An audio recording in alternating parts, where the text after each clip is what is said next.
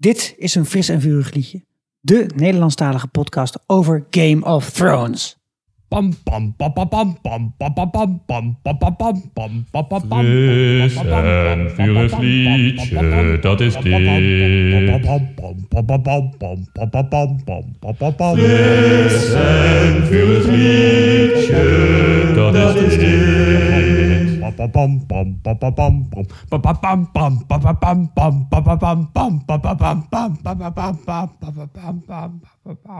Hallo allemaal, ik ben Sikko. Ik ben Joyce. Ik ben Esther. Ik ben Annaluna. Ik ben Guido. En je luistert naar een fris en vurig liedje. De prijswinnende Nederlandstalige podcast over Game of Thrones. Leuk dat jullie luisteren. Eh, jullie luisteren naar een podcast over Game of Thrones, waarin elke week normaal gesproken de aflevering van Game of Thrones van die week wordt besproken. Maar we zijn een nieuw initiatief gestart voor dit seizoen. Daarover later meer. Eerst leek het ons wel goed om ons even voor te stellen wie wij zijn. Naar wie je eigenlijk luistert. Want ja, het is toch vrij intiem. Zo, met die stem in je oor. Ik ben Sikko en ik ben journalist van beroep. Ik eh, ben Joyce en ik ben een wetenschapper, een bioloog van beroep. Ik ben Esther en ik ben host van de Vierkante Ogen Show. Een podcast over popcultuur. En daar doet Sikko ook soms wel mee en Annaluna ook. Ik ben Annaluna en ik ben een nerd. Eh, Ja. Ik ben eh, Guido en eh, ik ben Game of Thrones fan. En in mijn vrije tijd doe ik onderzoek naar hersenen. Kijk, vet. Nou, waar jullie in zijn gestapt nu is het zeven mijlslaarzenplan van Fris en Vurig liedje. Gebaseerd op A Song of Ice and Fire.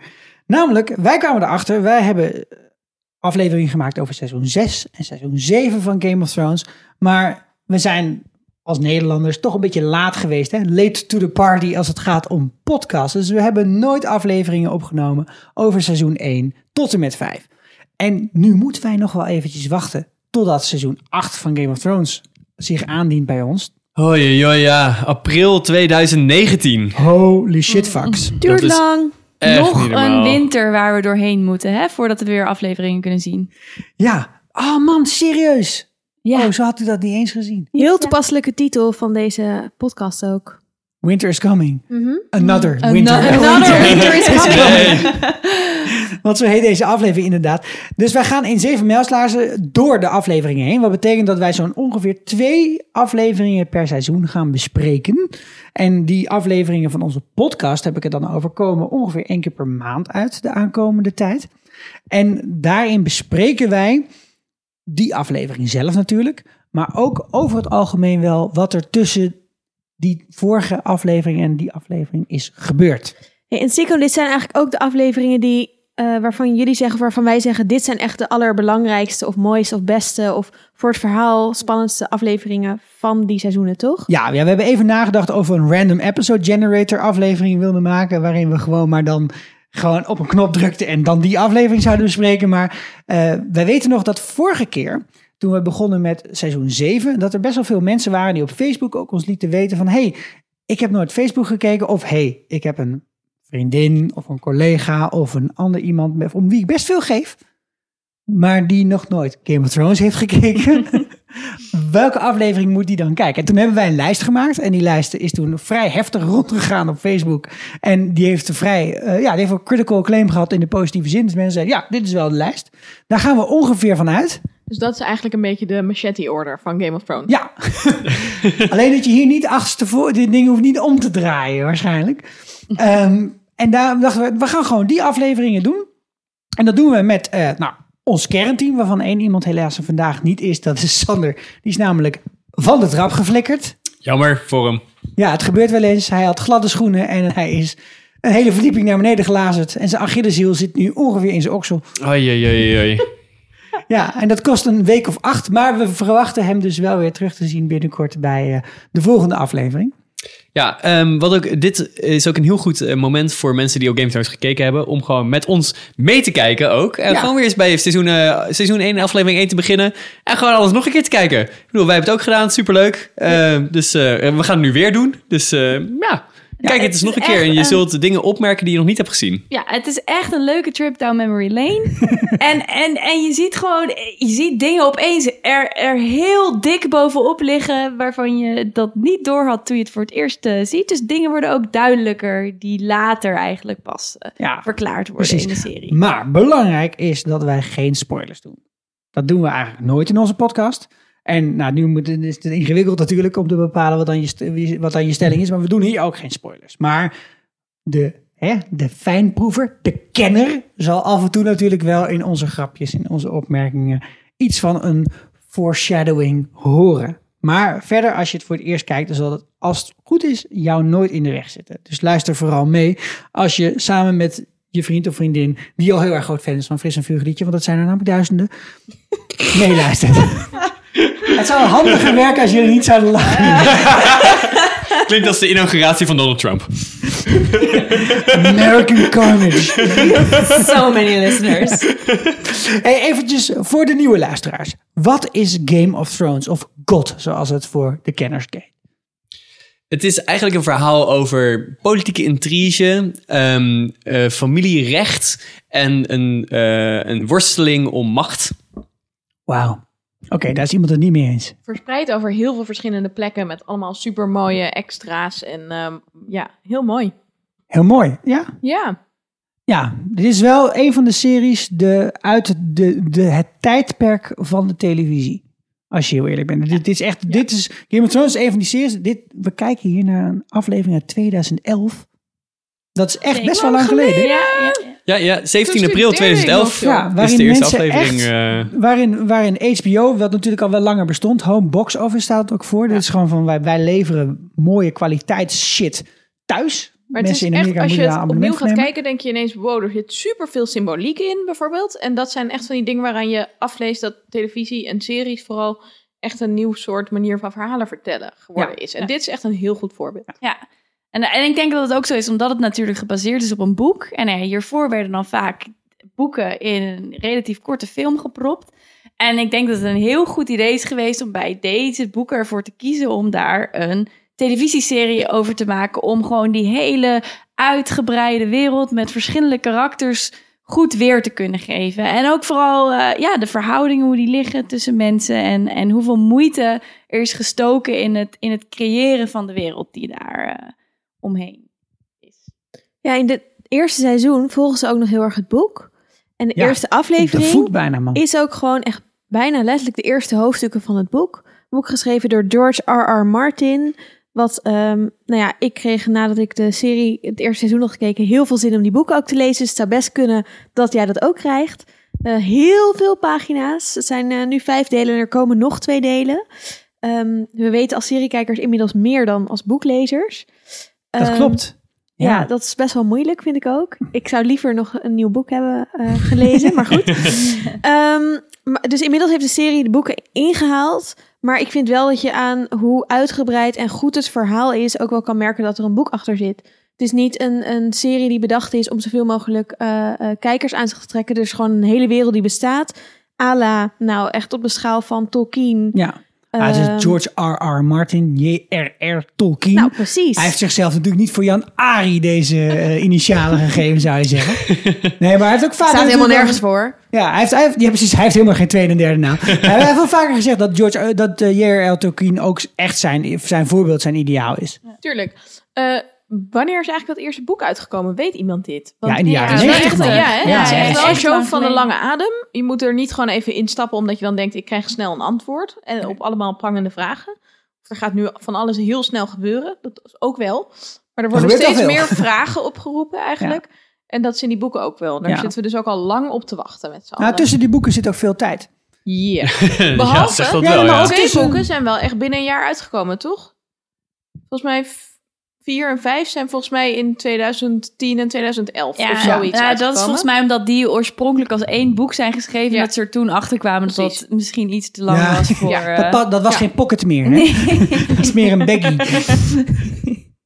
Zo is dat gaan. Nee, maar de- tussen 1 en 2 en 2 en 3 zat echt enorm Ja, veel tijd. jaar of zo. En ja. we wachten ook al best wel lang, dus sinds 2011 Mhm. wachten we op boek 6. En er komt uiteindelijk ook nog een boek Langer. 7. Toch? Boek 5 is in 2009 verschenen volgens Holy mij. shit. Wauw. Ja. Oh. Het is erg lang. Ja. Nou, ik had een weddenschap van eh, of ik mijn proefschrift eerder uit zou komen of eh, het boek. En eh, mijn proefschrift is gewoon best wel aan het winnen op dit moment. Want als we nu eigenlijk al zo'n spelletje aan het spelen zijn, laten we daar maar naartoe gaan. Eh, van de mensen hier aan tafel, wie is de grootste fan?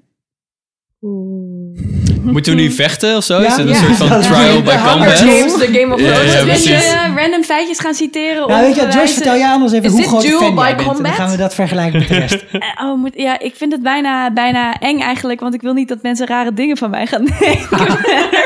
Je hebt zo'n zo'n klein kapelletje in de, in de huiskamer met kaarsjes en Ja, wierook en zo. ja, Ja, Ik vind, als, je er, als je er niet voor uit durft te komen, dan zegt het al. Ja, iets. ga weg, Eh, ja, Maar Eh, op een schaal van boekfilm, eh, boekserie, Wikipedia. nou ja, dus, dus ik ben zo iemand. Ik heb alle boeken eh, meerdere keren gelezen en de serie ook wel. Ja, en er zijn ook nog aanvullende boeken. Eh, ja, de- daar begin ik niet aan. Dat is net als Oh. Semarille van eh Kijk, ja, dat doe ik nee. niet. Nee, nee, nee, nee, nee. Maar ik ben wel zo iemand die er zo af en toe even voor de lol zo op een wiki of Ice and Fire gaat kijken. Oh, wie was dat dan? En dan zo een uur lang verzeild raakt in doorklikken. En oh ja, oh ja, oh ja. Maar Esther heeft wel. Ik heb alle, eh, alle boeken gelezen, alle aanvullende boeken gelezen. Ik heb ook The World of Ice and Fire. Dat is de hele geschiedenis en Ja. atlas. Dat heb ik ook gelezen. Mijn kat heeft eh, als naam een van de, eh, eh, mijn favoriete personages. Eh, ik ga de naam nog niet zeggen, want die komt nog niet voor in de eerste aflevering.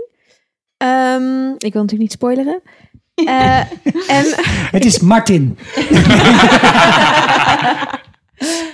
en ik heb ook een Reddit-account om Reddit slash A Song of Ice and Fire, want zo heten de Ah. boeken, allemaal goed te volgen. Dus daar komt heel veel van de achtergrondinformatie die ik straks ga delen, komt daar vandaan. Kijk aan. Eh, En wij hebben ook wel een paar keer op Reddit gestaan, Guido, toch? Met frisse Ja, Vliegtuigje. ja, klopt. Ons, eh, we hebben een paar kaarten gemaakt, een paar dingen. We hebben best wel goed gedaan op, eh, op die subreddit, ja. Kijk, de, de krochten van het internet. Nou, ik heb eigenlijk het ultieme argument. Eh, we hadden vorig jaar een pool, eh fris en vurig liegetje. Ik wil niet dat je En, hierover eh, begint. nou ja, toen hadden Sikko en Esther en ik een pool. Dan moest je eh, een team kiezen van mensen die eh, dan punten voor jou gingen verdienen. Karakters in het seizoen. Ja, dan moesten ze En moorden, dan als ze neuken. bijvoorbeeld dood gingen, dan kregen ze een bepaald ander punt. Als iemand vermoordde, dan kregen ze meer punten natuurlijk. En als ze naakt waren, kregen ze ook punten. En die heb ik echt wel glansrijk gewonnen. Dus ik vind dat dat eh doorslaggevende argument is. Hmm, ik heb Ja. nooer echt ingevuld welke Ja, mensen ik wilde in mijn Maar pool. dat is jouw eigen gebrek. Oh, Ja. u ziet er is, Dat zegt meer over jou dan over haar. er is bijzonder veel animositeit in deze groep eigenlijk. Maar, eh, Keiharde competitie. Ja. Oké, wat is Game of Thrones? Ik denk dat we daar... Oh, sorry Guido. Je kijkt, ja, kijk, dat kunnen jullie als luisteraar natuurlijk niet zien. Maar Guido kijkt me zeer indringend aan. Vertel, waarom ben jij de grootste nerd? Eh, nou, ik- ja, ik vind Game of Thrones eigenlijk helemaal niet zo leuk. Ik vond eigenlijk het laatste seizoen van I Met Your Mother vond ik leuker dan, eh, dan Game of Thrones. Oké. Nee, sorry.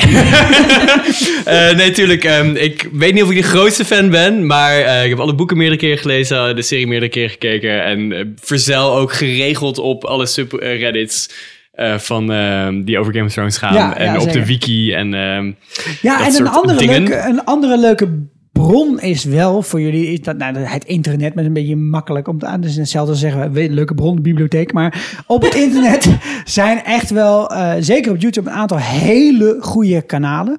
Die ehm, de afleveringen van Game of Thrones verslaan of theorieën helemaal uitwerken. Je hebt Emergency Awesome, wat een vrij aardig kanaal is, maar mijn persoonlijke favoriet is Alt Shift X.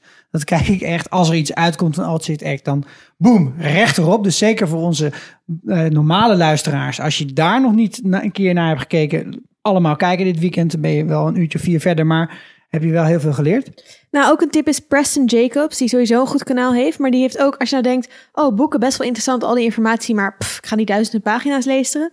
Hij maakt eh, ehm, YouTube-filmpjes, What You Are Missing. Per aflevering vertelt hij dan wat er over in het boek staat, maar niet in de aflevering voorkomt. Dus gewoon aflevering 1, aflevering 2, aflevering 3 van alle seizoenen, What You Are Missing. Ja. Best wel goeie. Oh, en ik wil nog even over wie de grootste fans zijn, zijn wel even benoemen dat Sikko en Annaluna hier de enige zijn die een Game of Thrones t-shirt aan hebben vandaag.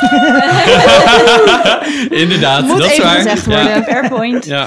Ja, nou en dat is een klein beetje wat je van ons kunt verwachten. Kijk, er zijn heel veel podcasts over Game of Thrones. In de wereld. En heel veel daarvan zijn Engelstalig. En datzelfde geldt voor alle YouTube-kanalen. En nou, ga ervan uit, wij volgen die allemaal. We hebben boeken gelezen, we houden heel erg van die serie. We zijn er ook vrij kritisch op als het nodig is. Maar we zijn ook jubilant op het moment dat het heel goed gaat. Als je eventjes je wekelijkse pepper wil hebben van Game of Thrones... dan moet je fris en vurig liedje luisteren. We gaan ook nog wel een seizoen in het Italiaans opnemen voor onze Italiaanse fans. Ja. Dan, deze eerste aflevering, dames en heren. Dat is een, eigenlijk een vrij bijzonder verhaal. Namelijk dat het een zeer ingewikkeld verhaal is. Waarin heel veel nieuwe mensen worden geïntroduceerd. Een van de redenen waarom mensen die dus voor het eerst Game of Thrones kijken ook denken... Ja, hier heb ik dus even geen zin in. Ik hoef niet van iedereen te weten wie zijn neef zijn dochter en zijn, eh, en zijn zus is. Ja, dit is ook het moment dat mijn moeder dan naast je zit als je die afleveringen aan het kijken bent. En dan probeer jij op te letten waar het over gaat. En dan ga- gaat zij vragen, maar wie is dit ook alweer? Ja. En, en, eh, en eh, hoe gaat het dan precies? En maar wacht even hoor, want hoe verhoudt zich dit dan tot de... Ja. En dan heb En dat zijn legitieme vragen. En, Ja, ja, ik en heb ook wel terecht, eens met en mensen terecht. om tafel gezeten die dan zeiden... wil jij even met ons dit meekijken, de eerste aflevering? En dan af en toe uitleggen. Ja, Wat ik met ja. heel veel liefde gedaan heb. En dat- Maar kan dat niet elke week doen Nee, natuurlijk. nee, gaan nee. wij vandaag doen voor jullie. Ja, en Wij eh, gaan meekijken. Wij houden je hand vast voor deze aflevering. Daarna wordt het net wat anders. Maar we gaan jullie hand vasthouden. We gaan door deze aflevering heen.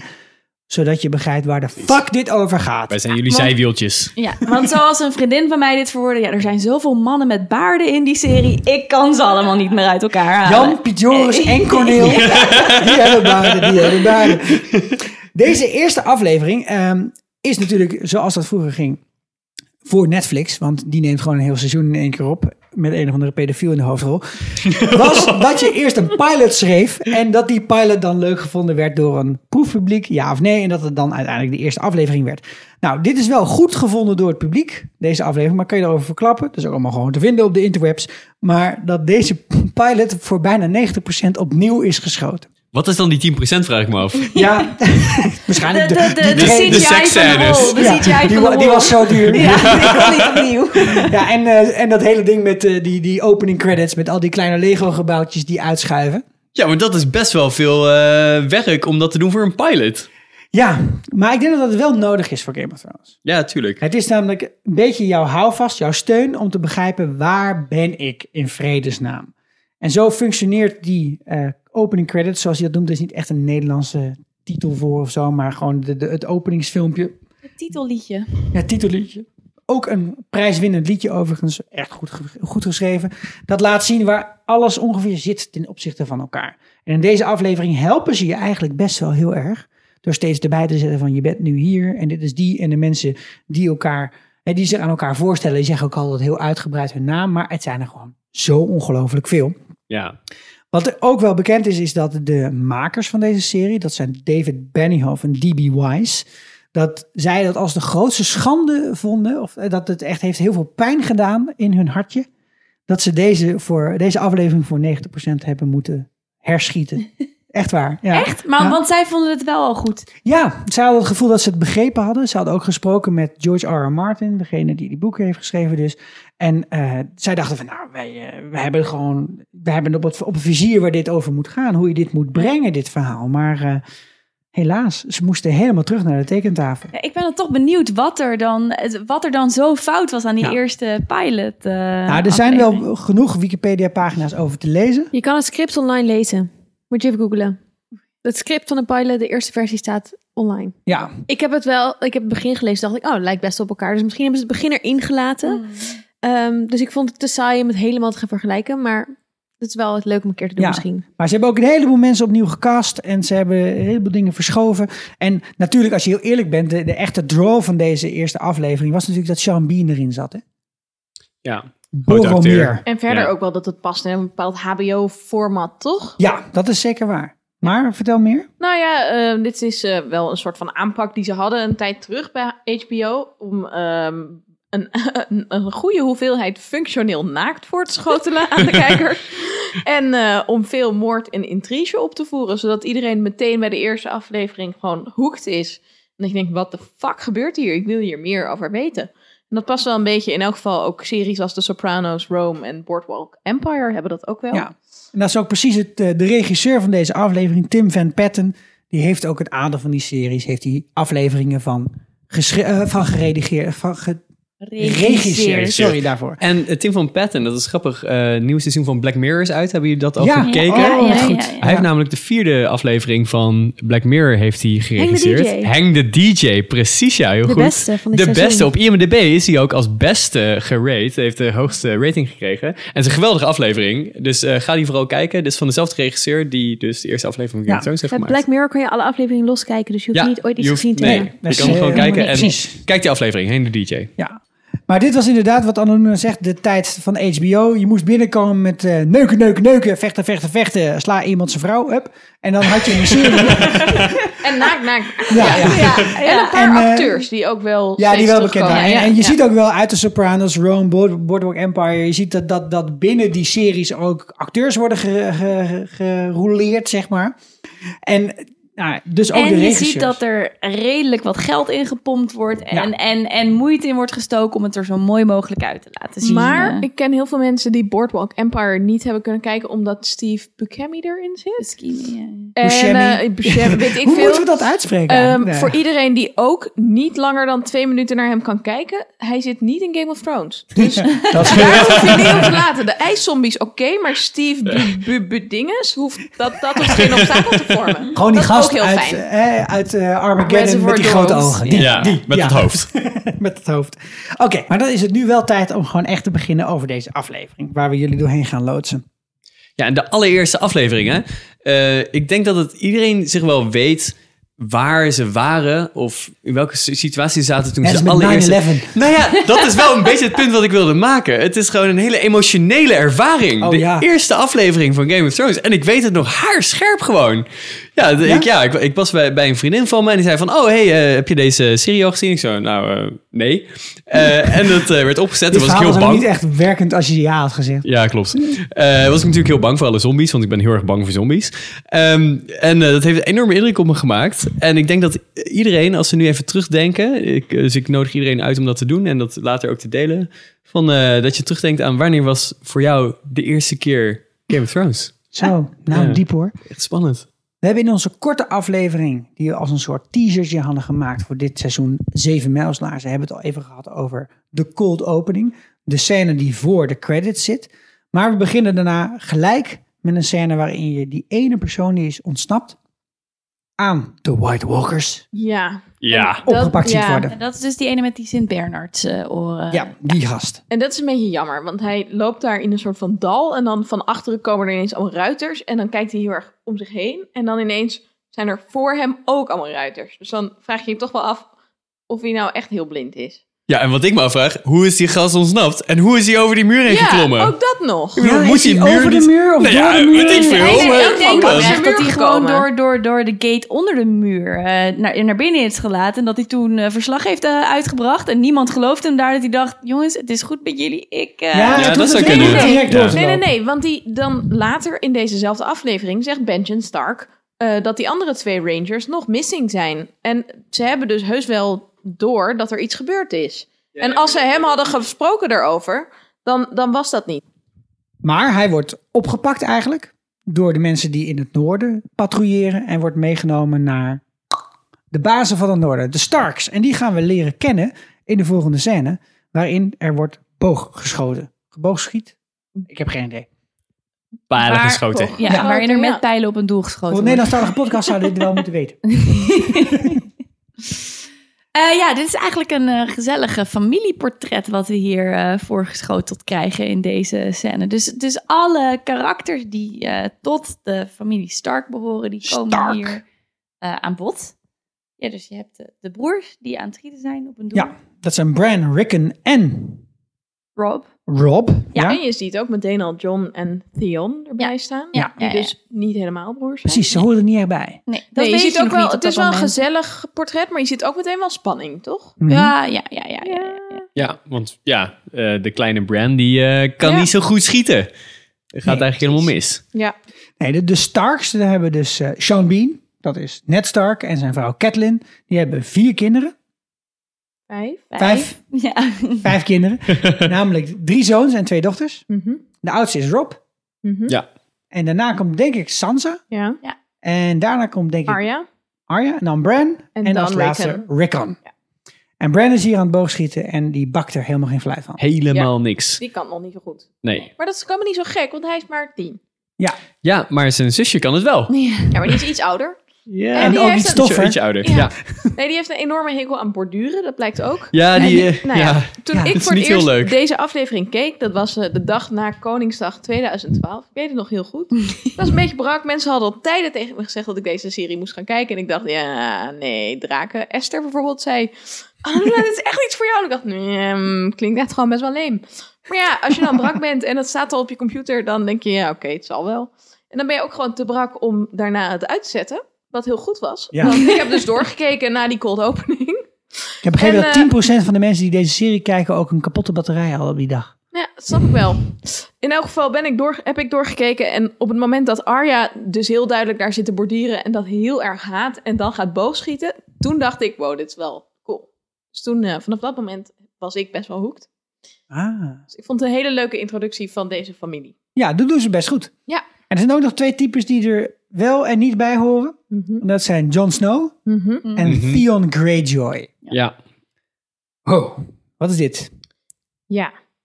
Nou ja, je hebt families en eh, die hebben, ja, soms, eh, ja, dan eh, gaat de man gaat op oorlogspad. En, eh, Soms.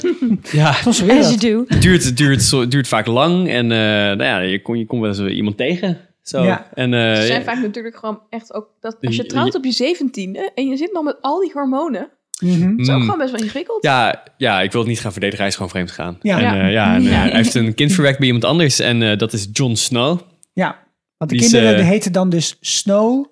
Ja, omdat ze in het noorden wonen, Ja. heet ze Snow. Krijgen En ze je een soort standaard achternaam. Dat is de Ja. bastaarde achternaam. Het Ja, wordt ja, ja. genoemd ook wel in eh, de geschiedenis een natural child. Dus niet een kind wat in familie is geboren, maar een natuurlijk kind. Oh ja, is uit de boom. En dat wil dan dus zeggen, het is uit de boom komen vallen. Het is Ja. inderdaad, het hoort niet in de stamboom. Het is, het, eh, het is daarnaast gevallen, Maar soort die in de van. stamboom hoort gewoon in de boom. En Jon Snow is dat dus ook. En wat ik heel interessant vind, is dat heel duidelijk wordt dat de status van bastaard heel erg verderfelijk is. Zo, en dat ja. speelt echt een rol. Ja. En dat is heel cool, dat zie je in de hele serie. Het is heel middeleeuws in dat opzicht. Ja. Ja. En die andere dude, daar is ook weer wat, wat mee aan de hand. Die is ongeveer zo even oud als... Eigenlijk John, Rob en Theon zijn Ja. ongeveer even oud. Maar Theon is volgens mij even oud als Rob. Ja. En Theon is geen bastaard, maar dat is een gijzelaar. Ja. Nou, hij is in voogdij, zou ik zeggen. Oh ja, ja, ja. Dat is de politiek correcte term. eh, Ja. ja, ja, ja. Nou, eh, wat er vaak gebeurt is als je dan zo... eh, stel, je valt iemands land binnen, hè, gewoon je ja dat leuk vindt. Dan, eh, en ehm, ja, je, je hakt die mensen daar in de pan en eh, dan ga je weer weg. Dan wil je dus niet dat die mensen jou weer komen aanvallen nadat jij met je leger daar weg bent getrokken. Slim idee. Dus Ja, wat je ja. vaak doet, is dat je zegt van... hey, die zoon of die dochter van jou... Jouw oudste Jouw zoon. oudste de oudste, zoon. de oudste, ja, ja, ja. Degene die de Beter, lijn moet ja. voortzetten. Degene, jouw opvolger, die neem ik mee. En eh, ja, die... eh, die Ga ik eh, gewoon opvoeden. En die ga voed ik, ik op. alle, ga ik Ja. een hele goede opvoeding geven en alle gebruik van ons land leren. Ja. Precies. Ja, Ja. Onze maar taal. hou hem veilig. Ik zorg gewoon dat hij niet ten prooi kan vallen aan kwalijke ehm, stromingen in Ja. jouw land. Met ja, precies. En als je mijn land binnenvalt, dan vermoord ik hem. Ja, Eh, dat soort dingen. Dus eh, ja, dat, eh, dat is Theon Greyjoy. Theon Greyjoy. Niet, eh, niet echt een gezellige vent, heb ik het gevoel bij hem. Nee. Best wel een lul. Nee, best wel lul, lul. ja. En zij gaan met z'n allen wat doen. Namelijk naar een feestje toe.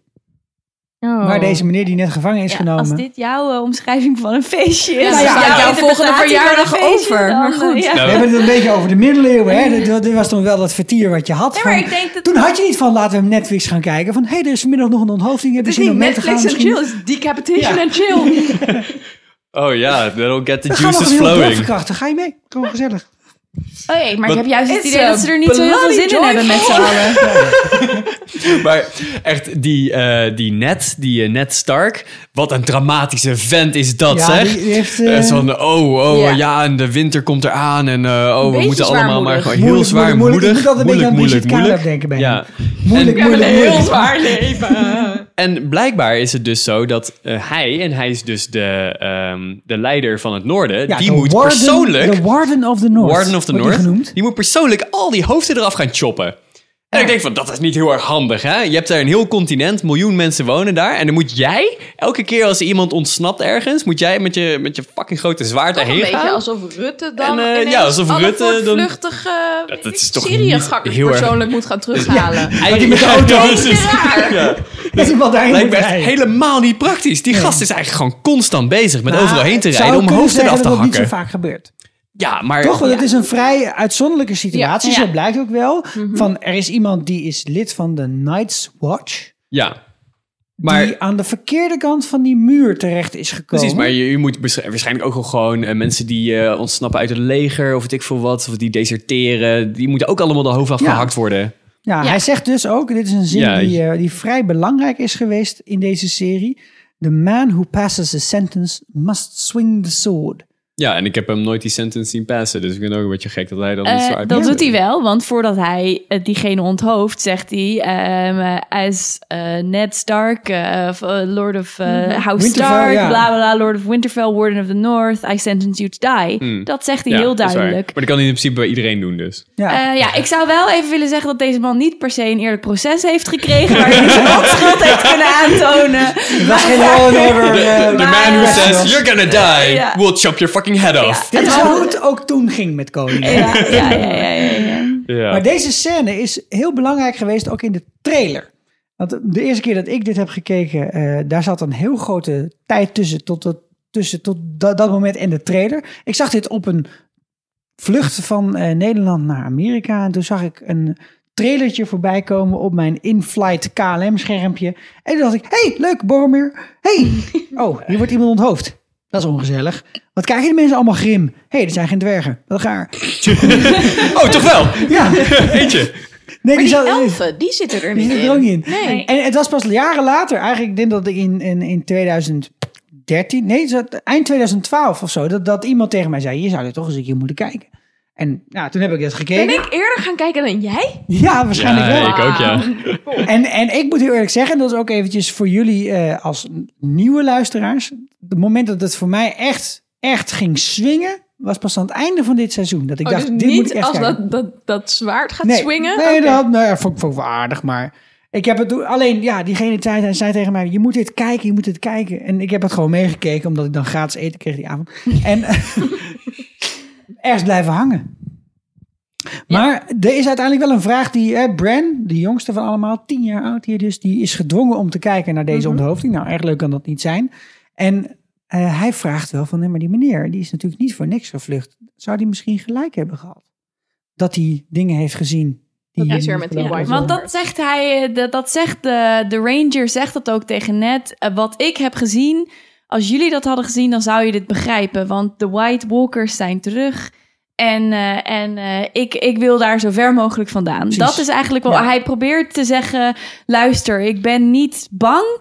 Maar wat ik daar heb gezien, eh, jongens, daarmee zoek het uit. ja. Maar dat is zo mooi, want niemand gelooft hem. Nee. En dat is Ah. heel grappig, want je kan jezelf als kijker kan je heel erg identificeren met alle mensen in die wereld. Want jij gelooft er ook helemaal niks van. Je denkt Ja. van, wat, is, wat zijn deze zombies, eh, de- dingen met blauwe ogen, die mensen eh, ingewanden eruit trekken. Ja, eh, de- ik, ik snap daar niks van. En, En zij dus ook niet. Net zegt ook van die White Walkers, die hij noemt, zijn al duizend jaar niet gezien. Ja. Wat een lulkoek. Dat, dat is een sprookje wat, je, Ja, wat precies, in je je kinderverhalen kinderen. voorkwam om, om je bang te Mhm. maken, zodat je geen domme dingen deed eh, Ja. vroeger. Ja, ja.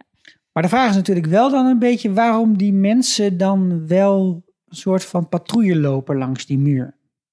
ja, traditie. Nou, nou, En de nee, nee, nee, wildlings. eh, de wildlings zijn, eh, er zijn wel ja. gewoon eh, ja, verwilderde mensen daar. Hè? Die wil je niet in je, in je land hebben. Ja, want dat zijn Barbaren. natuurlijk ook de mensen die daar liggen in dat eh, gezellige patroontje in die eerste scène. Mhm. Dat- dat zijn Mhm. de wildlings, dus dat zijn eh, de barbaren die aan de Die andere je kant van de muur... je rijk eh, wil houden. eh, de, de vluchtelingen, ja, zeg precies, maar een precies. Ja, ja. Dus dat is wat hier aan de hand is. Mhm. Zo beginnen veel fantasyverhalen. Met iets wat jaren geleden was en wat niet meer, hè, waarvan mensen dachten dat het niet meer bestond. En vaak is dat waar, maar dat hoeft niet altijd op te gaan. En dat is iets waar we achter gekomen in de rest van de seizoenen van Game of Thrones. Hoe dit verhaal nou zich uit gaat spelen. Maar eerlijk is eerlijk, we hebben ze wel gezien. En ook eerlijk is eerlijk, als je je nou heel erg hierdoor laat tegenhouden, dit, dit wordt dus wel even in de ijskast gezet. Ja. Dus je hoeft hier je de komende afleveringen in elk geval niet echt zorgen om te maken. Nee, Je wordt kunt nu gewoon weer even focussen om het leren van alle namen. precies. Op de terugweg van deze gezellige, ont- eh, ja, een soort van wat dik, dik gesneden carpaccio, komen zij langs een, eh, een aanvaring tussen een hert en een wolf. Ja, Ja, de grap is, en dat wil ik toch even genoemd eh, hebben, is dat het eerste wat iemand zegt, oh, zal het een mountain lion geweest zijn? Nou, Hmm. Zou het een leeuw geweest zijn? En dat is denk ik iets wat hier heel belangrijk is eh, in deze serie. Dus, dus Ja, je hebt dus al verschillende huizen. ehm, hebben we kennis mee gemaakt? Nee, we hebben eigenlijk nu op dit moment alleen nog maar met de Starks kennis gemaakt. En de Starks hebben als hun motto: Winter is coming. Dat heeft dus Eddard, de man met de baard en met het eh, zwaard, heeft dat al een paar keer gezegd. Eh, Winter is coming is hun motto en hun eh, wapen van hun huis is een wolf. Ehm, en zo zijn er ook een paar andere hele belangrijke families in Westeros, het land waar we zijn. En die hebben onder andere een hert en een leeuw en een draak als hun wapen. En hier meteen zie je eigenlijk al een beetje symboliek. Ehm, en eh, dit kun je opvatten als een soort van slecht voorteken voor wat er gaat komen. Maar het is in elk geval heel interessant om dus te zien dat naast dat de White Walkers ineens terug zijn, er ook blijkbaar een direwolf south of the wall is. Ja. En dat is dus Ja. eigenlijk al heel lang niet geweest. En dat laat zien dat in die samenleving, die eigenlijk een tijdje best wel weer geordend was, ehm, er ineens weer allemaal krachten van buiten beginnen binnen te sijpelen. En dat Ja. dus die orde op zijn kop gaat komen te staan. En dus de woorden winter is coming slaat niet alleen op het seizoen ook, maar Ja. dat slaat op dat er iets duisters aan zit te komen. Precies. En ehm, je weet niet wat dat is, maar dat dreigt de hele tijd op alles wat er Mee. gebeurt. je moet niet Ja. rusten op je lauren, want voor je het weet is, eh, is het, Het is weer best wel voorbij. een beetje een pessimistisch wereldbeeld hier in Ja. deze. Ja, nee, dat stralen ze ook wel Ja, uit. precies. En wat zeggen ze dan in de winter? Ja. Summer is coming? Summer is coming. Nee, Ja, nee. Starks is zeggen here, altijd zeggen ze winter is toch? coming. Het punt is namelijk, het, het komt altijd weer, hè? Ja, zo dramatisch. Ja, achter de wolken schijnt de zon. Maar wat, wat ook wel interessant is hieraan is de, de direwolf. Dat is Mhm. eigenlijk een echte eh, logo. Nee, we noemen dat een wapen natuurlijk. De direwolf heeft ook echt bestaan. Dat is een, een, een, dat is een reuzenwolf. Mhm. En dat is echt een beest uit de ijstijd. Heb je het nou over onze wereld We of hebben het Westeros? over onze wereld. Oh, oké, Ja. oké. Dus er zijn reuzenwolven geweest. Net als dat er ook reuzenluiaarden zijn geweest. Oh ja, de Giant Slot. ja. Ik heb laatst daar een, een skelet van gezien. Het was En nou, geweldig. Nee, Guido, Hele grote luiaarden. Guido heeft een hele rare obsessie. Dat is met luiaarden. Met cheetahs? Wist Ja. je dat ze avocados eten? Nee, oh, dat is echt waar? Ja. ja, ja, ja. Avocados zijn zo groot. En je denkt van, wie eet nou een avocado? Reuzenluiaarden eten avocado's. Wauw. Oh my god. Zo leer je elke Oh, keer weer leuk. iets bij Frisse. In elk geval, deze beesten zijn al heel erg lang uitgestorven. En dat maakt het wel een beetje moeilijk om ze te filmen. Maar voor die puppies, die heel erg schattig zijn, die zie je heel kort even in beeld, eh, hebben ze Northern Inuits gekozen. En dat is een eh, hondenras dat heel bekend is in Amerika in elk geval. En waar je ook puppies van kan kopen. Maar de prijs is dus sinds Game of Thrones wordt opgenomen enorm gestegen. Want iedereen wil ineens husky pups. Omdat ze in de komende afleveringen ook wel een rol gaan spelen. En natuurlijk gewoon heel schattig Je zijn. zijn met die heel schattig. Ja. Ja. Want er is hier dus een, eh, er is een direwolf, een reuzenwolf, in gevecht geraakt met een rendier. Of is het een rendier of is het een hert? Nee, een hert is het toch, hè? een mannelijk hert. Een mannelijk Ja. hert. En die hebben in dat gevecht hebben ze elkaar vermoord. Ja, dat ik denk van, wat is dat nou voor een reuzenwolf? Dat hij eens Ja. een hert op kan eten. Serieus? Maar het gewei is echt Maar ze was wel best wel verzwakt, want groot, het was heel zuidelijk. Dus ze was niet in haar element. Mm, Precies. Ja. ja. oké. En er blijven allemaal pups over. Zes uiteindelijk. Zes. hè? En je Ja. dacht eerst vijf, dus Ja. voor elk van de Starks. Die klote. Tion wil ze meteen even gewoon eh Ja, ja, neersteken. ja, ja, ja. Zo, oh, kom maar hier. Ik steek wel even een mes in dit super schattige donsvleugel. Hoe kan je dat nou doen? move. Ja, hij is echt een klootzak. Ik mag hem nu al niet. En ze krijgen dus allemaal een puppy mee naar huis. En net zegt, ik ga ze niet uitlaten. Nee, Gelukkig er gaat dus... Er ook Ja. geen mee, hè? Daar was ik wel echt blij mee. Je geeft zelf de goudvis te eten elke dag. En als hij doodgaat, moet je hem zelf door de wc En spoelen. eh, ja, Jon Snow krijgt er geen, want Nee. eh, hij is geen Stark. Ja, Nee, maar dan... lijkt er toch? nog één albino te hangen. Ja, het is niet het zwarte schaap van de familie, maar het witte, Witte wolfje in Witte dit wolfje. geval. Ja, ja, ja. En eh, Theon heeft er geen bal van begrepen al die tijd. Die dacht, ik ga ze even vermoorden. Maar Ja, die had Ja, gewoon honger. niet. En wat we hierover kunnen zeggen is, so far, so good. Tot hier kan eigenlijk iedereen die Game of Thrones voor het eerst kijkt, het wel volgen. Ja, precies. Eén Mensen, familie, Ja. ja, vrij duidelijk verhaal, even Ja. introductie van iedereen. hoofdje eraf. En nu wordt het ingewikkeld. Ja. Dus raden we je aan, neem even pauze.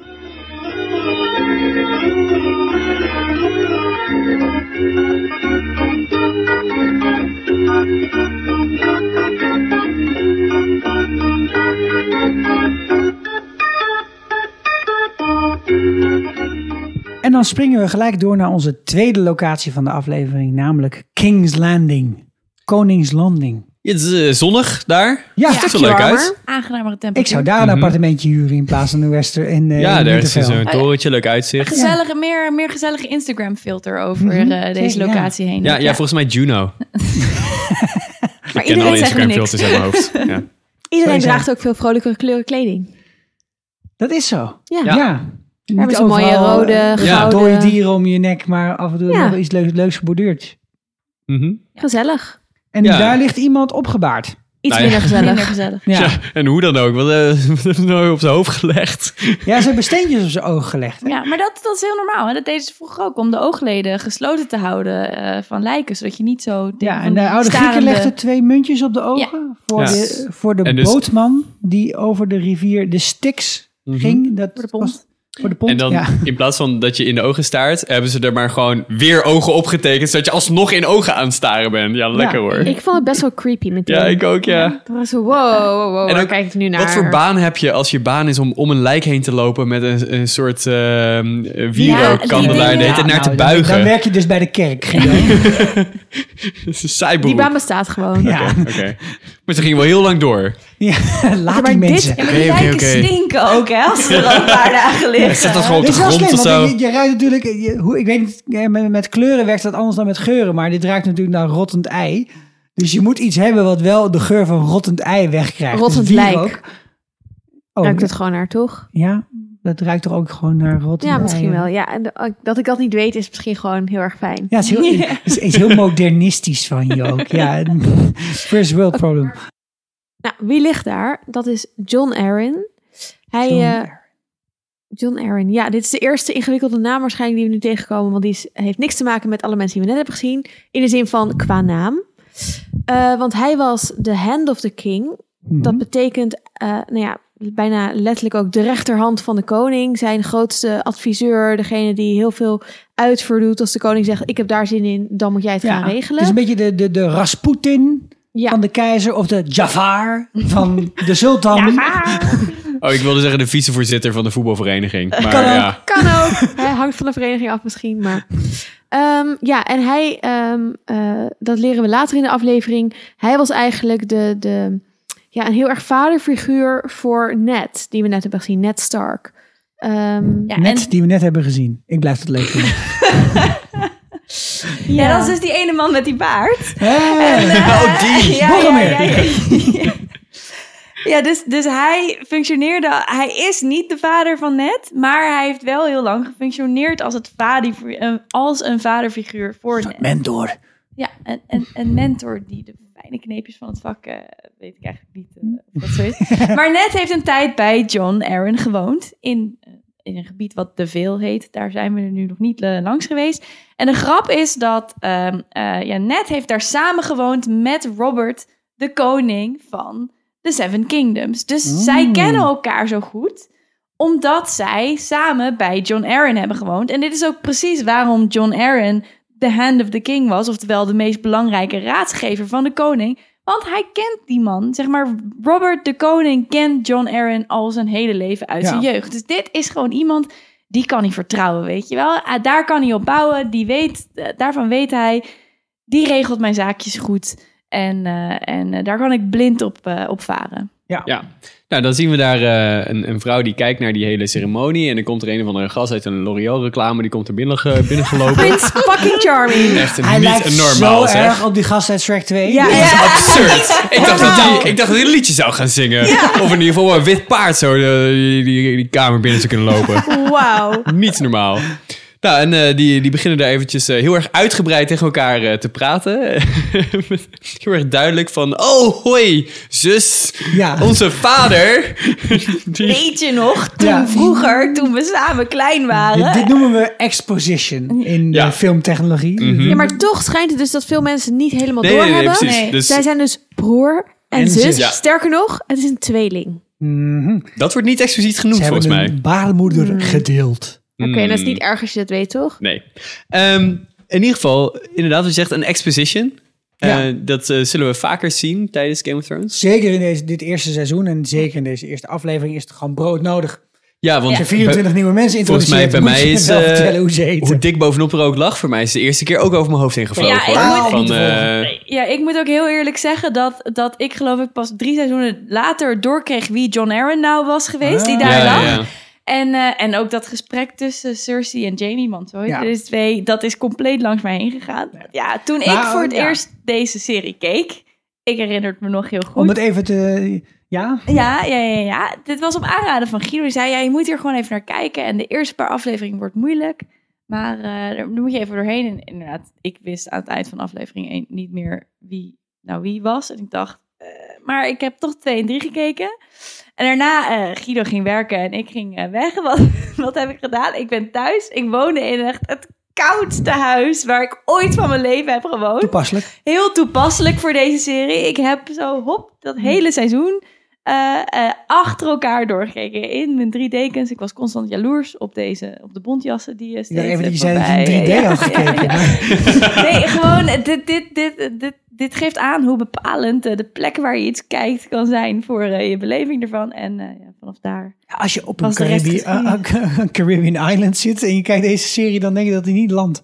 was ook best prettig geweest, denk ik eigenlijk. Nou, we gaan straks nog naar een Ja, heel warm je, we gaan Ja. een Maar uit, we uit kunnen nog maken. eventjes een, een bruggetje maken met de familie die we net hebben leren kennen. Namelijk net hebben we verteld, nou net die, heeft, eh, die is als klein kind bij deze meneer die daar dood ligt, is hij in de leer geweest. Maar de vrouw van net, Catelyn, heeft een zus en die is getrouwd geweest met deze meneer. Dat is de, Ja. ja, oh, hij is dood hè? Ja, ja. Maar dus da- dat is de andere lijn waardoor deze nog verbonden zijn. Dus ze hebben wel geprobeerd als eh, seriemakers om dat een soort van nog logisch in een lijn te krijgen. Ja. Dat je het even weet. Maar er er wordt iets gezegd. Nou ja, dat is allemaal ook gewoon belangrijk voor de rest van het verhaal. Zeker, dat ja. deze families allemaal dichte banden met elkaar hebben. Precies, precies. En, en, en deze meneer is dood. En het is toch een beetje een vreemde situatie. Waarom is hij ineens dood? Er wordt gezegd, ja, hij had iets van een koorts en toen was hij ineens dood. En er wordt in deze scène gezegd, whatever he knew, it died with him. Ja, dus hij is doodgegaan wel vanwege iets, een reden. Ja. Ja, Je, Ja. kan, je kan ook, eh, dus als je deze serie iets beter eh, kent, kan je ook wel aan deze scène tussen die broer en zus eh, zien dat zij het niet zo heel erg vinden dat deze meneer nee, is het komt ze wel goed uit. Want de, deze zus van de broer en zus, dat is de vrouw van de koning. Dat is de koningin. Precies. Haar naam is Ehm, Haar naam is Cersei Lannister. Lannister. En ehm, nou ja, zij staat dus ook dicht bij die koning. En dat, eh, nou ja, daar gaan maakt we dat hele meer spelletje over leren. Dat maakt dat spelletje rond. En dit is een serie, zeker in deze eerste aflevering, waarin dus al een aantal keren wordt gerefereerd aan dingen die in het verleden zijn gebeurd. Ja. En jij denkt dan, oh shit, nou daar, daar heb ik niet gevolgd, daar was ik niet bij, ik had toen geen abonnement. dus daarom denk je, nou ik snap het niet. Dat komt allemaal later wel. Wat belangrijk is, is dat je wel even onthoudt dat deze meneer dood is. John Aaron. Hij was de confidant, de vertrouweling van de koning en ineens is hij dood. En dat betekent, en dan gaan we gelijk naar de volgende scène, dat de koning een nieuwe rechterhand nodig heeft. Een nieuwe hand van de koning. En dat is een mooi bruggetje, want we gaan dan gelijk weer terug naar Winterfell. Waar onze vriend Ned Boromir, Sean Bean, bekend van Die Hard, onder een boom zit. Ja, Om zijn, dramatisch.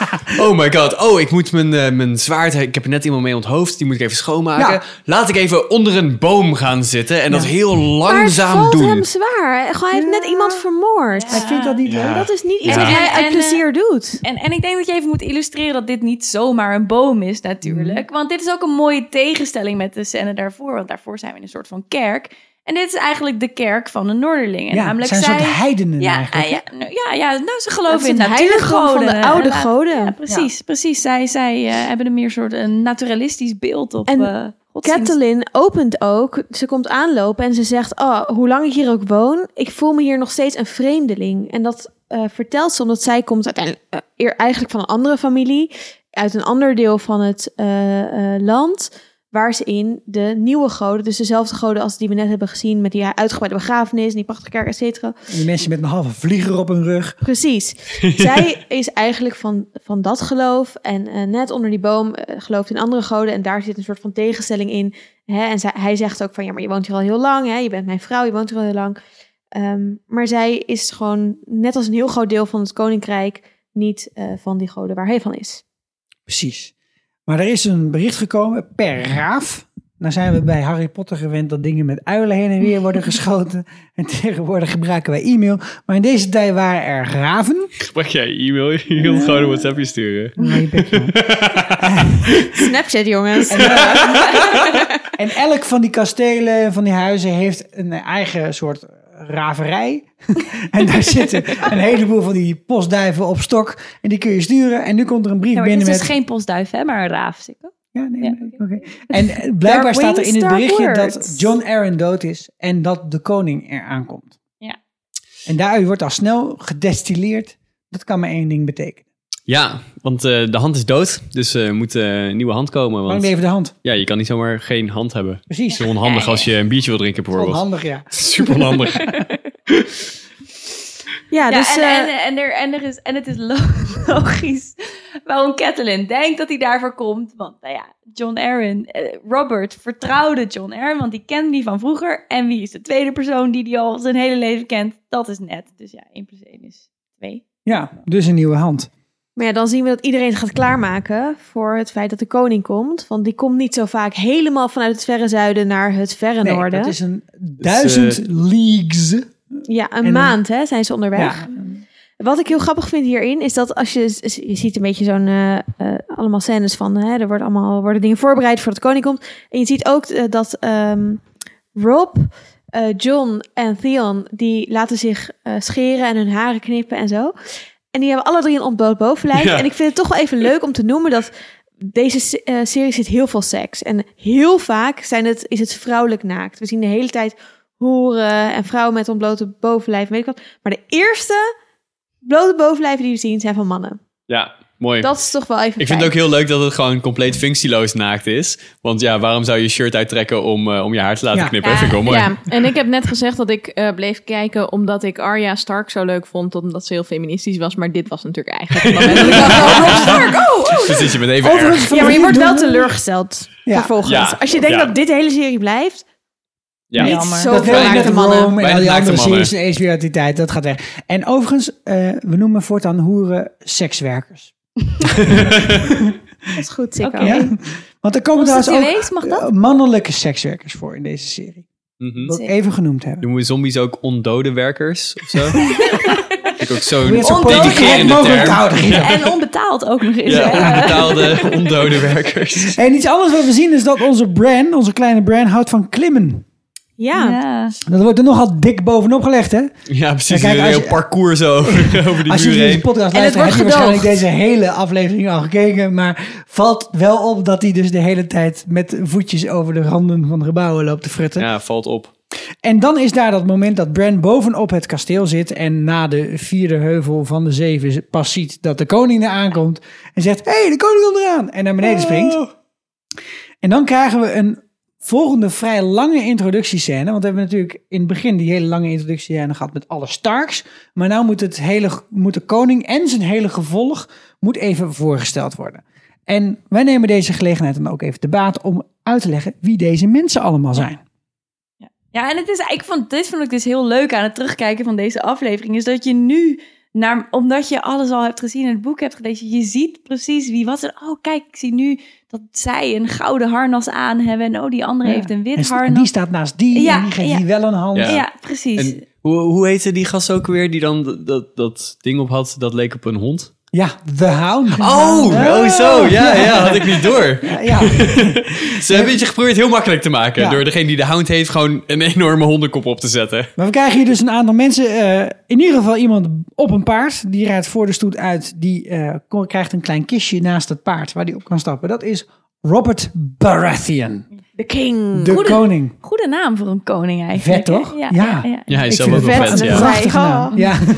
Nee, we zouden niet meer vet shamen. Oh nee, Ja, sorry. niet meer Oh, sorry. Mark Eddy heet deze eh, meneer. En eh, nou, hij, hij doet wel zelf een vetshaming. Hij stapt op net af en zegt... You got fat! en de terugwerping is geen enkel woord, maar wel een kleine blik van net. Die kijkt naar het toch vrij forse postuur van Mark Eddy op dat moment.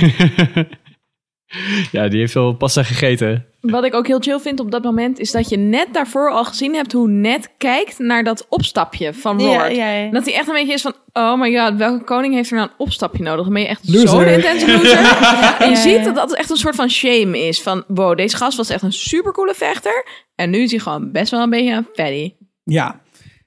Er Ja. worden hier nog veel meer mensen geïntroduceerd. En we moeten ze even in twee kampen gaan delen. Namelijk, er zijn mensen die bij de Starks horen. En er zijn mensen die bij de Lannisters horen. En daartussenin staat eigenlijk Robert. Robert, de koning, heeft verder niemand bij zich per se... die echt zijn directe eh, familie is... Of, of een hele goede vriend van hem of zo is. Dus hij komt bij een hele goede vriend binnen, namelijk Ned Stark. En hij heeft zijn hele huishouden bij zich. En dat bestaat voornamelijk uit mensen die te maken hebben met zijn vrouw en zijn huwelijk. Ja. Want we zien natuurlijk Cersei. Dat is de vrouw met het lange blonde haar die we eerder al hebben gezien Ja. in de troonzaal waar die meneer lag opgebaard. En, en dit vind ik ook een grappige scène, omdat je, omdat je ziet dat zij komt die koets uit met haar gevolg, met haar, eh, hoe noem je dat? Eh, Haar huishouden. Ja, ja, alles Ja, ja, ja. En in, in mooie kleding, en dat ziet er goed uit in gezellige kleuren, en het haar zit goed, en een leuk bondje, Oorbellen in, blush op. Ja, precies. En, en die stapt zo, zo in zo'n zo, zo'n pool met modder, wat daar voor die koets ligt. En je ziet er denken, ah, ik heb een maand gereisd om, om in dit boeren, boerenland terechtgekomen. Wanneer gaan we weer naar huis? En, en dat is gewoon leuk om dat... eh, Het waren die vakanties naar Noord-Frankrijk. Ja. Dat je dan hè, in de zomer dacht, dit wordt leuk. En dat het dan keihard ging regenen. en je ziet haar denken, ik moet straks met een rol wc-papier over die Ja. hele camping ze, ze voelt zich duidelijk veel te goed hiervoor. Precies. Ja. En zij is dan degene die dan met goede schoenen over de camping loopt. Maar Robert Baratheon doet gewoon zijn witte sokken aan en zijn sandalen. Dat maakt hem helemaal geen flikker uit. Oké, en dan hebben we naast dat Cersei natuurlijk uitstaat ook haar kinderen die mee zijn. Ja. Ja. En, eh, Joffrey, mhm. dat is de troonsopvolger van Robert. Die komt op een paard zelf. Ja, En die heeft meteen al wat... eh, Je krijgt wel wat, wat looks, krijgt hij van, eh, van Sansa, de Ja. oudste van de Starks. zij En zijn hij even vindt oud. zichzelf ook heel erg knap. eh, dat zie je ook wel meteen. eh, Ja. ja, ja. Ja. Eh, Prins L'Oreal is er ook bij. Prins L'Oreal is er ook. Hij draagt een, eh, een heel mooi, ja, beetje wit-gouden ehm, armor, wapenuitrusting. ja een prachtige, prachtig harnas met Prachtig een wit harnas. gewaad eromheen. Een cape heeft hij ook aan. Er zijn meerdere van die eh, eh, ja, mannen in, in dat harnas. En dat is omdat zij de King's Guard zijn. Dat is een speciale eh, ehm, Een soort orde. ja, orde eigenlijk. Een orde ja, van ridders. van zeven ridders. Die altijd om de koning heen lopen en om zijn troonopvolger. Eh, dus je ziet er ook eentje die, die naast of voor Joffrey uitloopt, loopt, geloof ik. Ehm, ja, en daar is dus de broer van Cersei, van de koningin, is er één van. Ja. Dan zijn er nog twee andere kinderen van de koning en de koningin, namelijk Tommen en Marcella. Je ziet ze maar heel Eerst. even snel. Maar dat zijn de andere twee kindjes. Die, eh, het zijn de broertje en zusje Dat van is mij, Tommen. mij eigenlijk niet eens opgevallen. Dat, eh, dat zij in deze... Ja, ze zitten er ook Ja, in. ja, je ziet ze maar heel even. En een andere persoon wat erbij loopt, is degene die we al eerder noemden. Dat is namelijk die meneer met dat rare, die rare helm op in de vorm van een hondenkop. The Hound. En daar komt een beetje, hè, dat, is, dat is altijd in dit soort politieke situaties, wie hoort nou precies bij wie? De koningsgarde, die hoort echt bij de koning. Dus wie de koning ook is, ook al is het Mr. Bean of een of andere klootzak, de koningsguard, de kingsguard, die Kingsguard. gaat hun, gaat die persoon verdedigen. Maar de Hound, zoals hij heet, of is een echte naam, Sandor Clegane, dat is eigenlijk een soort vazal van de familie Lannister. Dus van die blonde mensen. Maar die gaat wel ook op dit soort dingen altijd mee. Dus mocht er dan ooit een soort conflict komen tussen wie dan ook, dan is er voor die familie altijd nog The Hound. Ja, hij is ook een beetje degene die de vuile klusjes eh Precies. opknapt. Dat, Ja. dat is wat je later leert. Zo ziet hij er ook uit. ja, ja. Met 3,95 meter in lengte, een flink postuur. En deze vent die gaat inderdaad altijd mee om in ieder geval de Lannisters te verdedigen. Nou heeft de koning zelf ook nog twee broers. Dat komt allemaal later wel, die zitten niet in deze scène. Het is al genoeg om te introduceren op dit moment. En daarom ook tijd om even een korte pauze te nemen.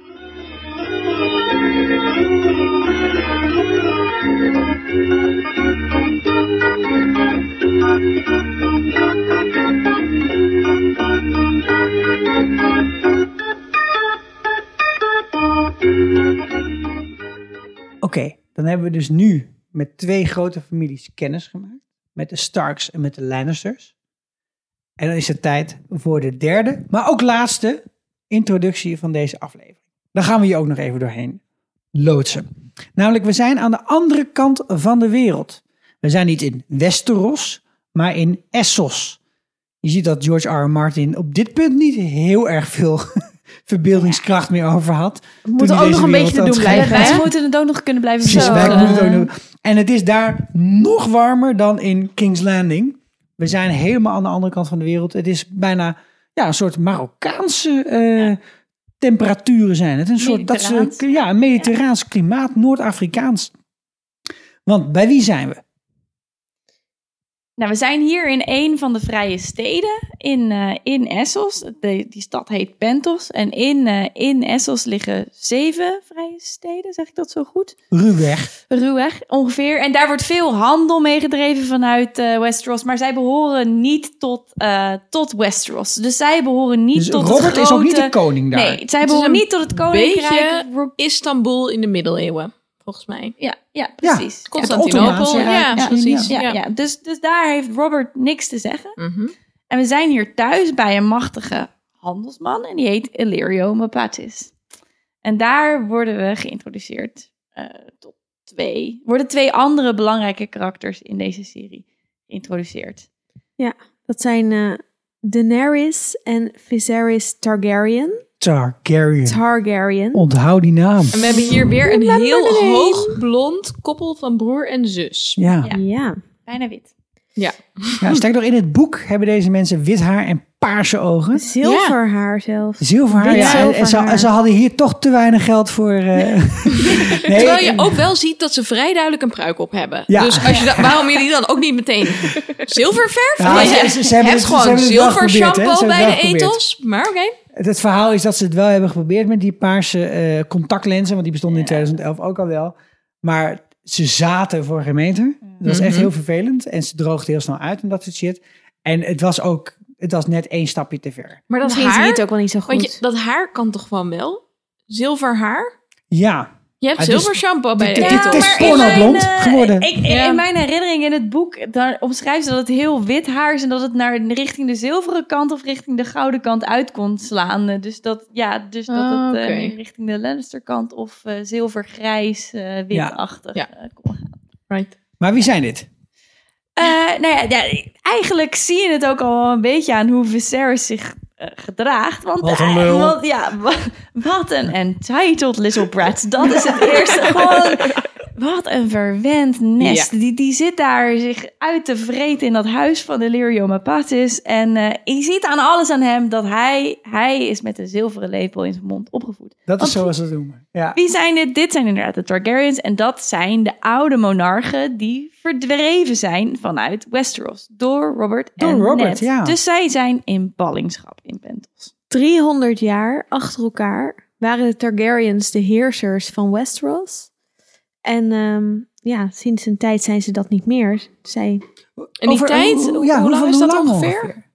15 jaar. Volgens mij is het 15 15 jaar geleden dat Robert's Rebellion, zoals het wordt genoemd in de rest eh, van het Ja. verhaal, plaatsvond. En eigenlijk alle ehm, van, veel grote families in opstand zijn gekomen tegen de heersende monarch. Ja. En dat was toen de vader van Viserys. toen op dat moment ook dat de Targaryens de laatste restjes daarvan probeerden te vluchten uit Westeros.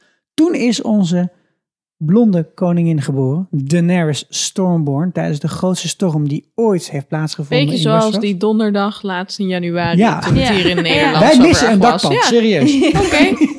Maar dit, bedoel, dit, dit weet je nog niet als kijker, maar het is geen spoiler. En het is wel Nee. handig dat je het weet, want dit komt wel veel terug. En het wordt eigenlijk niet echt erg heel erg uitgelegd. Nee. Maar daarom heet zij Stormborn. Hè? En dit, dit is eh, een familie die er ook toe doet. Worden Ja. er eigenlijk nu drie slash vier worden er geïntroduceerd in deze Ja. eerste aflevering. Wat er gewoon veel te We veel hebben er vier, we hebben nu alle dieren. Dus de, de Targaryens en de draak. Je ziet ook bij Daenerys af en toe op haar kleding Ja. een eh drakenteken. Ja, die Viserys En, eh, kan er ook niet over ophouden dat die hij een heeft ook is. die heeft dan- wake the dragon, don't Precies, die heeft ook van die kleding aan met schubben. En we hebben dus de Starks met de wolven, de Lannisters met leeuwen en dan de Baratheons met een hert. Dus we hebben nu de grote vier families gehad. Ja, ja en, en, en eigenlijk in deze scène en, en eh, vooral eh, de scène daarna in de badkamer, die eh, in, op heel veel manieren Super disturbing is. heel awkward oh my is. god. maar ja, het is Ja. HBO, dus dan kan dat Ja. allemaal. Hmm. Maar wat je in deze, wat je in die scènes, wat, wat, wat je eigenlijk heel erg ziet terugkomen, is dat die Targaryens zijn het er niet helemaal mee eens dat zij ooit verdreven zijn van Westeros. Oftewel. Viserys Wat wil een terug, verrassing. wil terug. En wie heeft hij daarvoor nodig? Zijn zusje Daenerys, want eh, ja, die kan hij eh Uithuwelijken. Uithuwelijken. uithuwelijken. Want zo werkt Ja. deze samenleving. Ja, ze willen naar huis. Misschien wel eh, grappig. Ik, ik keek het weer en toen dacht ik... Hè, zij was toch veel jonger in de boeken? Dat klopt, in de boeken is zij 13. Hoe oud denken jullie dat ze hier is in de serie? Dat is Emilia Clarke. Hè? Die Emilia tegenwoordig ook wel echt een bekende actrice is geworden. Ik denk door dat deze die serie. scène echt, de- dat zij naakt in dat bad loopt, wonder heeft gedaan ook voor haar bekendheid en carrière. Volgens mij ging iedereen haar toen googlen. Ja, dat Ja? zal Eh, ja. ja, ja, ja. Wow. Zij is echt, eh, haar naakt in de serie is, eh, wordt zeer gewaardeerd door, eh, door de mannelijke Hebben de mannen en hier soms ook een ook mening vrouwelijke. over? Nou, laat ik gewoon veilig zijn en daar niks over zeggen. niet hebben, maar goed. verstand. Zij, zij speelt in ieder geval, ik weet niet of ze echt, volgens mij was ze zelf ouder, maar ze speelt een meisje van 16. Oké. Dat dus Ja, uitgehuwelijk ze gaat zal een worden. jaar of 19 aan- zijn geweest, want ze was ook niet zo heel Je oud. ziet een meisje Precies. waarvan je denkt, jij bent al ongesteld geweest. ja, Ja. en hij zegt, eh, Hij heeft je blood dieet. Kom haar, haar terug. broer zegt tegen haar, ja, je hebt nu borsten, dus je moet ze ook laten zien. Terwijl die borsten zien er al uit alsof ze die al best lang heeft. Ja, het maar is niet alsof daarnaast. kijken. Nee. Doe, hoe weird dat je broer Ja. dat zegt. Eeuw, Blijf- fucking van weird. af. Nou, dit, dit, dit, vertelde ik wel een beetje iets over de wereld van, Ja. eh, van Westeros, Essos, eh, geef het de naam. Maar Nou, en van deze fucked up familie. Want je ziet ook wel meteen, de Starks hebben deze familierelaties niet. Dit is wel voorbehouden niet... eh, aan de mensen uit het zuiden. Je ziet een soort van vooroordeel, toch? ja. Ja, ja. goed. En, en hij gaat haar uithuwelijken met de bedoeling dat hij in principe een leger wil krijgen. Want hij wil weer terug naar het land waar hij vandaan komt. En daar wil hij de troon weer terug veroveren. En daarom komt deze eh, stoet mensen op paarden langs om te kijken of het wat is. Het is een beetje alsof je denkt, misschien ga ik een kipcaravan kopen tweedehands. Is het wat, ja of nee? Maar deze... me- de- deze, Sikko, deze hoe, hoe, hoe lang ben je inmiddels getrouwd? Ja, of tweeënhalf. Oké, Maar je gaat ook eerst een keertje kijken. oké. Maar zo, ze, zo gedragen ze zich een beetje. Ze gaan even zo komen Ja. langs. Ze kijken even. Nou, Nou, en het, het- wat wel echt raar is ervan, is dan dat die Viserys vraagt dan van, did they like her of zo? En dan zegt ook Illyrio van, als ze haar niet leuk hadden gevonden, dan hadden we het wel geweten. wat hadden ze dan gedaan? Ze paarden Nou, haar precies. Dan hadden ze ze haar haar gewoon vermoord hadden. vermoord. Ja, dat denk ik Ja, wel. Jawel, Ja. we zijn Dothraki. Ja, Dat rakje, ja. Dan Ja, waren er koppen gerold. En van wie, dat kunnen we in het midden laten. Maar ik denk eigenlijk van haar en van haar broer. Ja. En van Ja. Illyrio die het bedacht heeft. Ja, want dan was het een belediging van de Ja. Van, eh, wat, kom- met wat voor vrouwtje kom jij nou aan? Er wordt hier nu een paar keer het woord Dothraki genoemd. Do- Dothraki zijn dus deze, hè, dat volk wat langskomt. Wat, wat weggeeft van de Mongolen. En dan bedoel ik niet de mensen met een chromosoom te veel. Maar de eh, oorspronkelijke bewoners van Mongolië. Ze zijn erg geënt op Genghis Khan. Hè, de Mongolen was, waren ook een volk wat tot aan de poorten van Praag is gekomen. In de geschiedenis, in de veroveringsdrang die ze hadden. Helemaal vanuit toch het noord, ten noorden van China. En dat is een vreed, bruut en meedogenloos volk. Zoals we later leren, wat ik heel erg tekenend vind voor de Dothraki. Ze, hebben, eh, ze kennen het woord dankjewel niet. in hun taal. Ja, dat bestaat Het niet. zegt gewoon heel erg veel over wat voor volk Ja, het ja. is. Nou, dat, dat had je ook met de, de, de, de Sovjet. Dus eh, tijdens de Tweede Wereldoorlog was er gewoon, omdat de Russen geen Russisch meer spraken, maar Sovjet, was er geen woord meer voor terugtrekken. Oh ja. Dus dat kon ook niet. Echt newspeak. En hoe doe je dan coitus interruptus? Gewoon met het Latijns of Nee, kan de, dat niet? de correcte eh Dothraki-term daarvoor is nee. Wat wel een leuk feitje is, is dat er dus echt taalkundigen zijn ingehuurd om de Dothraki-taal grammaticaal kloppend te maken. Ja. Die gasten die dan daarvoor de parcel mouth van Harry Potter hadden gedaan, zijn hier toen weer opnieuw ingevlogen. En die, mo- de- Ja. er is ergens een departement Ja. van taalkundigen dat tyfus veel geld verdient. Dat kan ik je wel vertellen. Ja. En nou, laten we gelijk even doorstappen, want eh, blijkbaar vinden ze het wat. En Ja, komt nou, er laten we een, ook eh, nog even dan schetsen dat hij ook niet zo... Dat, dat, dat die troep Mongolen die langskomt... Oh, dat klinkt heel verkeerd. Oké, laten we het niet zo... Barbaren. Eh, laten we zo zeggen dat, dat, dat de troep barbaren die hier langskomt, dat het niet zomaar barbaren zijn. Want dus Viserys wil hen ook echt gebruiken, omdat ze zeggen ook, zijn, je kan aan de lengte van zijn haar zien hoe lang hij ongeslagen is gebleven. Dus, Hij is wel de opperkaal. ja, ja, ja, ja, dus hij denkt, dit zijn Hij heeft heel veel haar voor een opperkaal. Ja, ja, ja. Oh. Maar de, de leiders van de Dothraki heten de Khals. Ja. Eigenlijk lijkt het heel erg op Kaan, hè? Maar goed, Ja. Ja. daar niet van. Ja, ja, ja. Het is echt... eh, en Mag ik daar even bij Kaal zeggen? Drogo, zoals deze man heet, dat is niet de enige Kaal dus ook. Hè? Dus dit, dit, dit zijn een soort, het zijn niet nomaden, Het maar het zijn een soort ja. plunderaars, een soort landpiraten die een beetje door dat werelddeel heen trekken. En dat het een Khal is, dat het lijkt op Genghis Khan, dat is even een stapje terug heel leuk aan Game of Thrones. Er zit gewoon heel veel verwijzingen in naar geschiedenis. Westeros lijkt een beetje op Engeland. Ehm nou ja, er zitten veel meer dingen in. Schotland. En dat is allemaal wel heel goed gedaan. Ja, Hoe de mensen leven daar is ook echt zoals er in de middeleeuwen, middeleeuwen werd geleefd. Eh, hoe eh, paardenvolken leven, et cetera. Dus dat is allemaal, je kan zeggen, ja, eh, een beetje genept van de ehm eh, Mongoolse volk, et cetera. Maar dat is ook juist heel erg tof. En wat heel cool is, dat Het is ze bij fantasy, elke maar ook set geschiedenis. hebben bedacht... ehm, we gaan dit zo maken dat we alleen maar materiaal gebruiken... dat in een 50 mile radius gevonden kan worden. Dus we gaan geen gebouwen maken in King's Landing bijvoorbeeld... met materiaal wat van verder dan 50 mijl zou moeten komen. King's Oh, Landing wordt opgenomen cool in bedacht eh, is. eh, Dubrovnik. Dubrovnik, Hongarije, toch? Nee, Kroatië. Kroatië. Ah ja. Ja. En dat hebben ze dus bij elke set bedacht. Dus in Winterfell heb je dan heel veel klei. Want dat heb je daar dus blijkbaar een eh, sneeuw en ijs. Ja. Eh, en daarom is het allemaal een beetje viezig. Oké, en dan is er een huwelijksfeest. Yes. Een vrij postig gebeuren, Oh, om het maar zo te Echt noemen. gezellig. Mm. Ja. Ja, ja. Feest DJ Ruud was niet nodig voor de huwelijk. En er wordt gevochten, want dat hoort erbij. Er horen er minstens drie dood te gaan op een goede bruiloft. Ja. Beetje meh vechtscènes. We, believe, we- we promise you, dit wordt beter. Dit wordt stukken beter. En, eh, en, de, en de vraag, die, die, die Viserys, die is zeer ongeduldig. Van, eh, kunnen we al een keer een eh, continent gaan innemen? Ja. Nee, nee, Eh, oké, nee, nee dan dan? wacht ik nog even. En dan ontmoeten wij een persoon waarvan we wel kunnen verklappen dat is een belangrijk iemand. Namelijk Jorah Mormont, de Andal. Ja, toch nog een familie die we hier introduceren. Maar de, zijn familie is verder niet heel belangrijk. Maar hij komt ook eh, uit eh, een beetje de omgeving van Winterfell die we hebben gezien. Weer een man met een baard. Maar ook laten we zeggen dikke stoppels. Een beetje een Ja. rossige man ook. Hè? Ja. ja. Een en- echte typische Engelse acteur ook. Ja. Ian Glenn, Ja. toch? Ja. Dan kom met boeken aanzetten. Ja, leuk cadeau. Ja, Ja, dat is weer echt wat anders voor- dan slangen of Echt zo. iets voor Khal Drogo ook. eh, Ja. Ja. Bibliotheek. You want these books? No. Dat weten mensen niet, maar hij heeft ook één paard met zo'n kraampje erachter. En dan kun je Oh, dus ja. alle Harry Potters kun je kiezen. En ook ingesproken worden ze dan. voor de- voor de- de laatste. Jedi-bibliotheek kun je daar lezen. En ook... Nee, maar dit, dit heeft best betekenis. Omdat we hebben net eh, erover gehad. 15 jaar geleden was de rebellion van Robert. Daenerys is 16 jaar oud. Dus zij heeft eigenlijk al haar hele bewuste leven niet in Westeros gewoond. Dus Nee. zij weet heel Die chick heeft weinig. eigenlijk niks te zoeken. Viserys zegt de hele tijd, ja, we gaan terug naar ons moederland, we gaan terug naar huis. Ja.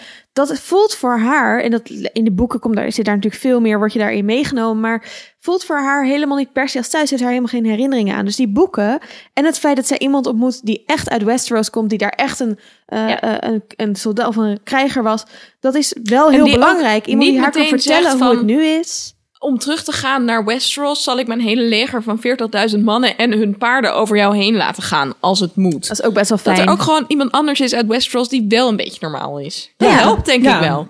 Het, het lijkt mij ook een leukere vent om een biertje mee te drinken dan je Ja. eigen broer. Ja. Hoewel ik hem ook altijd wel een beetje zwaarmoedig vind. Ja. Maar oké. Liever dat dan iemand die zegt, eh Ja. verkracht ik jezelf. Ja. Dan krijgt ze nog andere cadeau, namelijk een paar compleet verstenen drakeneieren. De Ja. Dragon Hey, Egg dankjewel. Machina. Die ga ik in mijn vensterbank zetten. Ja, nou je denkt natuurlijk wel, hey, drakeneieren. Ja, Als die worden geïntroduceerd in de serie, wat gaat daarmee gebeuren? ja kun je eigenlijk niet Zouden ze onder zo'n broedlamp gelegd gaan worden, denk je? Who knows? Maar ze zijn versteend, hè? Laten Ja. we even wel wezen. Ze komen ook, en dat is dan weer, weer typisch George R. R. Martin, ze komen uit Ashai. Ashai, Een gebied waar, waar we in ieder geval niet nu mee eh, aan ge- geïntroduceerd worden. Het is ver weg. Ja, maar, maar echt ver weg. Ja, echt dat je denkt, wow. Ja. Ja. Ja, het is, het is dat, je, dat, de, dat de, de wereld niet plat is en dat je niet van de zee eh, af kon varen, Precies, maar eh, je komt in de buurt. Ja. Ja, je kunt wel drie paarden op vertrappen. Op eh, die afstand die je dan moet lopen om daar te komen. Ja. Dat is wel een beetje wat het is. Maar het schijnt een heel bijzonder cadeau te zijn. Ja. En het appelleert natuurlijk ook wel een beetje aan hun eh, huismotto. Aan, hun, eh, aan het wapen dat zij dragen. De driekoppige draak. Ze krijgt drie eieren. Want wat is hun motto ook weer? Fire and... Fire and Fire and blood. Niet Fire and Fury. Nee, Fire and Blood. Michael Wolff heeft het niet bedacht. Het is niet iets tegen Trump, deze, deze serie. We weten ook in de geschiedenis dat er vroeger draken waren. Ja. Dus deze draakeieren zijn wel ooit gelegd door geschiedenis van draken. De geschiedenis van Westeros. Ehm, en eh, inmiddels al, ik geloof al 100 jaar, zijn er geen draken meer in, in Westeros. Er zijn geen levende mensen die een levende draak hebben gezien. Dus die eieren, die verstenen eieren, zijn wel heel erg belangrijk. Want de Targaryens waren namelijk degene die op draken konden rijden of vliegen. Daarom zijn draken ook hun eh, eh, wapen. Ehm, dus het is echt een heel mooi cadeau voor een Targaryen, een Targaryen om weer echt dicht bij hun eigen ja, legacy of hun Echt eigen. een mooi fossiel voor op je schoorsteen. Ja, het is echt fijn om te hebben. En dan het laatste cadeau wat ze krijgt is een Een paardje. Paard. paardje. Ja, nou laten we zo zeggen. Als je van paarden houdt, Dan zit je even goed hier. dan goed, dat is ja. dit de show Ja. voor jou. Ja, ja, Ze noemt het zilver. Dat hoor je volgens mij niet Haar in de, in de serie. Ja. Ehm, ja, en de scène daarna, toen ik voor het eerst keek, ehm, toen dacht ik bij die scène wel, namelijk dat zij verkracht wordt, daar wel heel mooi aan zien. Ja, Maar hè, met zo'n ik ondergaande bedoel, zon. Ja. laten we het gewoon even noemen wat het is. Ja. Ze wordt daar verkracht door haar man. Ehm, dacht ik wel, oh, moet dit nou? Eh, ja, dat vond ik. gewoon- Ja, Ze ik is weet niet. 16, hè? Ze is Ja. fucking jong. Eh, ze maakt als heeft al een broer die eh, fucking eh, vervelend is. Ze heeft ook gewoon echt expliciet gezegd dat ze niet met deze gast wil trouwen. Ja. Ja. Eh, no. ehm, Geen consent. Geen consent. Ja, ja, ja. Ehm, ja, dus dat, ja, dat was eh, wel een van de dingen waardoor ik... Die, die zombie-scène was ik dus doorheen. En toen kwam deze scène. Ja. Ik ben heel blij dat ik ben doorgegeven. Eh, Ja. Ik, ik moet ook inderdaad zeggen dat toen ik zag dit nu weer en ik dacht, ik vind het nog steeds naar om naar die scène te kijken. In het Ja. boek is het een stuk minder vervelend. Ja. In het boek doet hij Ja, wel ja, ja. iets vriendelijker Ja, tegen haar. ja. En, en probeert hij ook haar no. Hoe kun je genot... nou vriendelijk doen tijdens Nou hij, nou, hij probeert dan haar eh, eerst eh, eh, op te winden. En ook haar, Ah. haar eigen lichaam te leren kennen, et cetera. Dus dat is wel iets meer een, een seksueel spel dan... Ja. Oké, ik spreek jouw taal niet. Buig maar even voorover, want ik ga nu hoppa even... Ja, dat, Varkie doen het ook alleen maar, eh, niet doggy-style noemen ze het, maar eh Horse paar- style. paardenstijl. To mount, bestijgen. Precies. Ja, ja, ja. Dat is wel nou, een beetje. nog even over deze grote bestijger. De, deze acteur die heeft ook... eh, de- de- deze scènes hebben hem blijkbaar geen windeieren gelegd. Heb ik begrepen. Dragon ehm, juist wel, want voor de acteur die eh, deze Khal Drogo speelt, Jason Momoa, eh, in deze scène zegt hij niet heel veel in het Engels. Zoals jullie misschien hebben eh gehoord. Hij zegt vooral één woord. Ehm, No. En No. het- Had zij ook kunnen zeggen. Nee, oké. ja. Maar na dit seizoen heeft hij dus eigenlijk helemaal geen werk gekregen. Deze acteur die deze Khal Drogo heeft gespeeld. En waarom denken jullie? Omdat hij geassocieerd wordt met een 16-jarige meisjesverkrachter. Nee, ze Je dachten moet een dat hij bepaald aantal lines hebben. ze dachten dat hij geen Engels sprak.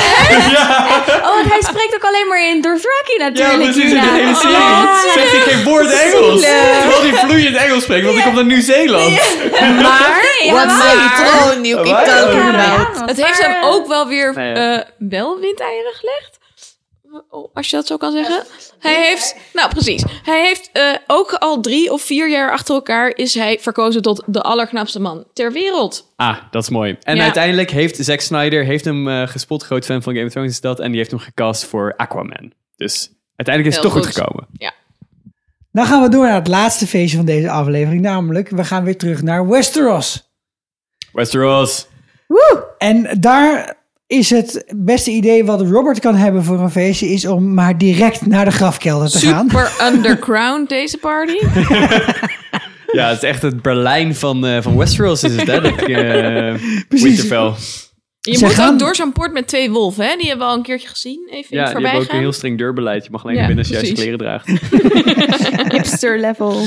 Robert heeft wel het allermooiste bondje van iedereen. Ja. Je kan wel de rijkheid van iedereen een beetje aflezen aan welk bondje ze hebben. Maar heeft dus een heel mooi zwart bondje. Een soort van panter of zo. Net een goede hipsterbaard. Echt mooi. Ja.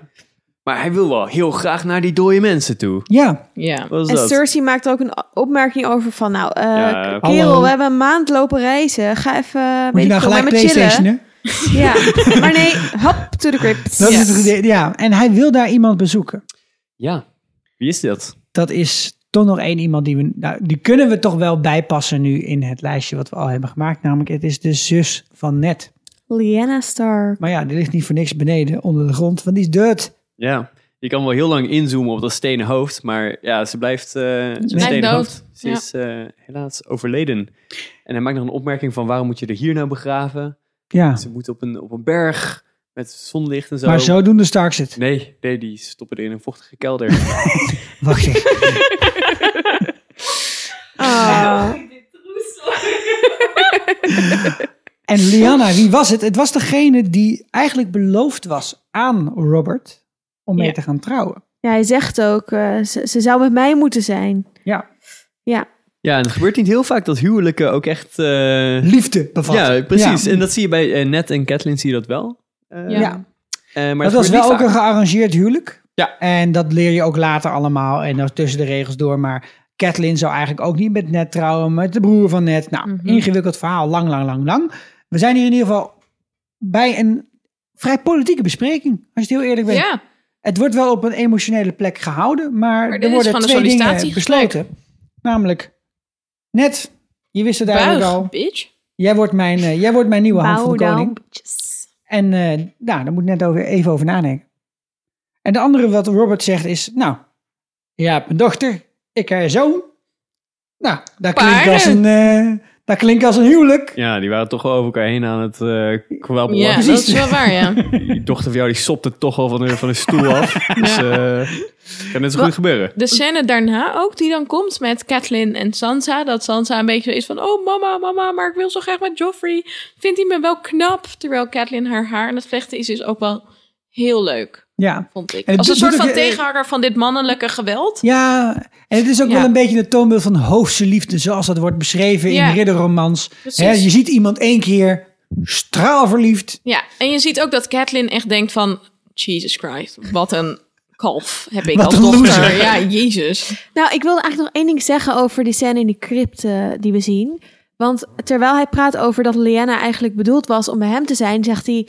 I kill him again every night in my sleep. Him. Him. En vervolgens zegt Ned, de Targaryens, eh, you did it already. The Targaryens, they're all dead. En dan zegt Robert... you've already defeated them, zegt Robert. uh, not all of them. Waarmee hij dus bedoelt dat hij eh, degene die de Targaryens heeft verslagen. Dat is eh, de broer van eh, de twee die we net hebben gezien, eh, Danny en Viserys. De kroonprins en zijn vader. En eh, not all of them. Daarmee bedoelt hij dus Daenerys en eh Viserys die Ja. nu in het zuiden zitten. had hij ze Dus is- allemaal met de precies, dit is het linkje tussen die twee families. En ook het linkje naar dat dus, ze dus wel degelijk weten in Westeros... dat die twee daar nog zitten. Dat ze daar in ballingschap leven. Maar ze Eh, en dat in de hè? gaten houden. Ze weten niet precies waar. Ze weten niet precies wat ze doen. Maar het is wel iets waar ze rekening mee houden. En waar Robert dus blijkbaar nog steeds slapeloze nachten over heeft. Of wat hij nog steeds... Hij heeft nog steeds een grudge tegen die familie. En wil eigenlijk iedereen van die familie uitroeien. Dat is gewoon voor de rest van het verhaal best wel eh, belangrijk om in je achterhoofd te houden. Die geen slapeloze nachten heeft. Dat is de derde broer. Tyrion, die imp. Mm, Precies, de broer van de tweeling, de blonde Ja. tweeling van Lannister. Ja, volgens mij heeft hij wel slapeloze nachten. Nou, ik denk dat hij na deze behandeling eh, eh, prima... Goed kan slapen, Nou, ja. ik denk dat die Kan behandeling, snurren. eh, die eh, gaat er gewoon even een nacht door. Ja, Wat Nou. wel grappig is, is dat hij hier nog heel blond is. En als jullie verder kijken, wat we natuurlijk allemaal wel hopen, dan heeft hij ineens een andere haarkleur. En dat hebben wel meer personages. Maar bij Tyrion is het best wel duidelijk. Ja, en dat is wel leuk. hier hè? is echt enorm... Heel erg highlights. Heel Als ik duidelijk. nu, nu naar Tyrion kijk, dat is net alsof ik naar zo'n foto van mijn middelbare schoolperiode Ja, kijk. Weet je wel? Van, Had jij ook van die highlights Ah, Guido? toen, had Guido, toen had Guido nog al zijn tanden. hè? Ja, ja. Maar hij heeft gewoon nog zijn kop de soleil van King's. Landing. En dat Ja. gaat later weg. Ja, heel bijzonder. maar ja, dit is ook zo'n scène met gewoon onge- ja, ongelooflijk veel naakt. Ja. En er wordt ook een heleboel verteld over de relaties tussen die twee. Want blijkbaar echt die zus, die Cersei, de, de koningin, die heeft een bloedhekel aan deze jongen. Ja. Haar jongere broer. Dat weten we nog niet echt, hè? maar we weten wel dat ze in elk geval best wel een beetje een dwingeland is. Dus als zij iets wil, dan moet het gewoon eigenlijk meteen gebeuren. Dus dan moet Jamie naar het bordeel gestuurd worden om Tyrion te gaan halen. Ja, en Tyrion was er ook niet bij toen net die koets uitge- uitgeladen nee, precies. Want dan hoor je dus Arya zo van, where's the imp? Where's the imp? En dan Ja. blijkt dat, dan is Je zij een beetje van, ja, waar is hij inderdaad? van... Ach, oh ja, die stomme broer, waar is hij eigenlijk? En dan zegt hij ook tegen Jamie van, ga onze broer Ga je hem zoeken. even halen. Fuck En Jamie weet natuurlijk ook wel hoe, hoe laat het is. En die weet, ik moet Tyrion zoeken. In het bordeel. Bij, eh, En als je nou de denkt. Bij hey, de ik, ik, ik herken deze acteur, Peter Dinklage, Mhm. Oscar-winnende acteur. Voor deze serie overigens. Eh, ook weer echt een publieksfavoriet. Als je nou denkt, ik ken hem. Hè, je hebt nog nooit Game of Thrones gezien, maar je hebt hem wel ergens anders gezien. Dat zou bijvoorbeeld kunnen zijn geweest in de film In Bruges. Waarin hij ook een rolletje speelt. Die heb ik niet Ja, gezien. of eh, X-Men. X-Men, ja? Is Ja? hij dat tegenwoordig? Zit hij ook in? Ja, ja. Of de serie Niptak zat hij ook in. Over eh plastisch chirurgen in Miami. En over verder geslettebak zien we vervolgens eh, hoe koning eh, Robert Baratheon zijn tongen in verschillende vrouwen hun keel steekt. Heel leuk om toe te maar. kijken als, als koningin, hoe je man daar Ja, even alle... maar het is echt alsof je aan lange noordelijke tafel vrouwen- tv zit te kijken Ja, en je man staat... Het is ook eh, extra pijnlijk omdat John dan zegt, eh, die natuurlijk de bastard is, dat het misschien wel offensive is voor de royal guests als hij aanzit bij het banket. Maar Ja. vervolgens is degene die echt best wel een beetje offensive is, is de koning zelf. Ja, maar je bent koning. Ja. YOLO! Fuck it. Ja. Ja, dat kan niet goed. Nee, het is, het is verschrikkelijk om naar te kijken. Het is ook wel dat gesprek wat Cersei en, eh en Cat hebben van... eh, eh, ja, ja, het is hier wel koud of zo. Nou, een beetje zo Ja, van... heel, heel Super awkward en ongemakkelijk. heel awkward. geforceerd. eh, van, wij zijn is geen beste vriendinnen. ja, maar het is ook Ja. echt gewoon zo'n zo'n familieverjaardag waar je dan per se heen moet. En dan van, oh, nou... eh, En hè? Cersei 0,0 Wat is het, eh, haar best doet? Ja. om een beetje gezellig zeggen, ja, tegen ze- haar eh, gastvrouw te praten. Ja. Zo. Ze heeft er echt geen zin in. Nee. Nee, het Nee. enige moment dat er nog iets loskomt in Cersei is op het moment dat de, de jonge Sansa wordt geïntroduceerd. Ja. Mhm. En Zij zal gaat het goed doen, hè, in King's Landing. Ze gaat het zo. goed doen daar. Zij gaat het goed doen. En, Ja. en ook op een ongepaste manier wordt daar gesproken. Heb je hey. Ja. Het deed mij erg denken aan deze scène uit Monty Python's Life of Brian. Stop that! And go away! Excuse me? Yes? Are you a virgin? I beg your pardon? Well, if it's not a personal question, are you a virgin? If it's not a personal question, how much more personal can you get? Now piss off! Yeah, must. Definitely. If it's not a personal question, are you a virgin?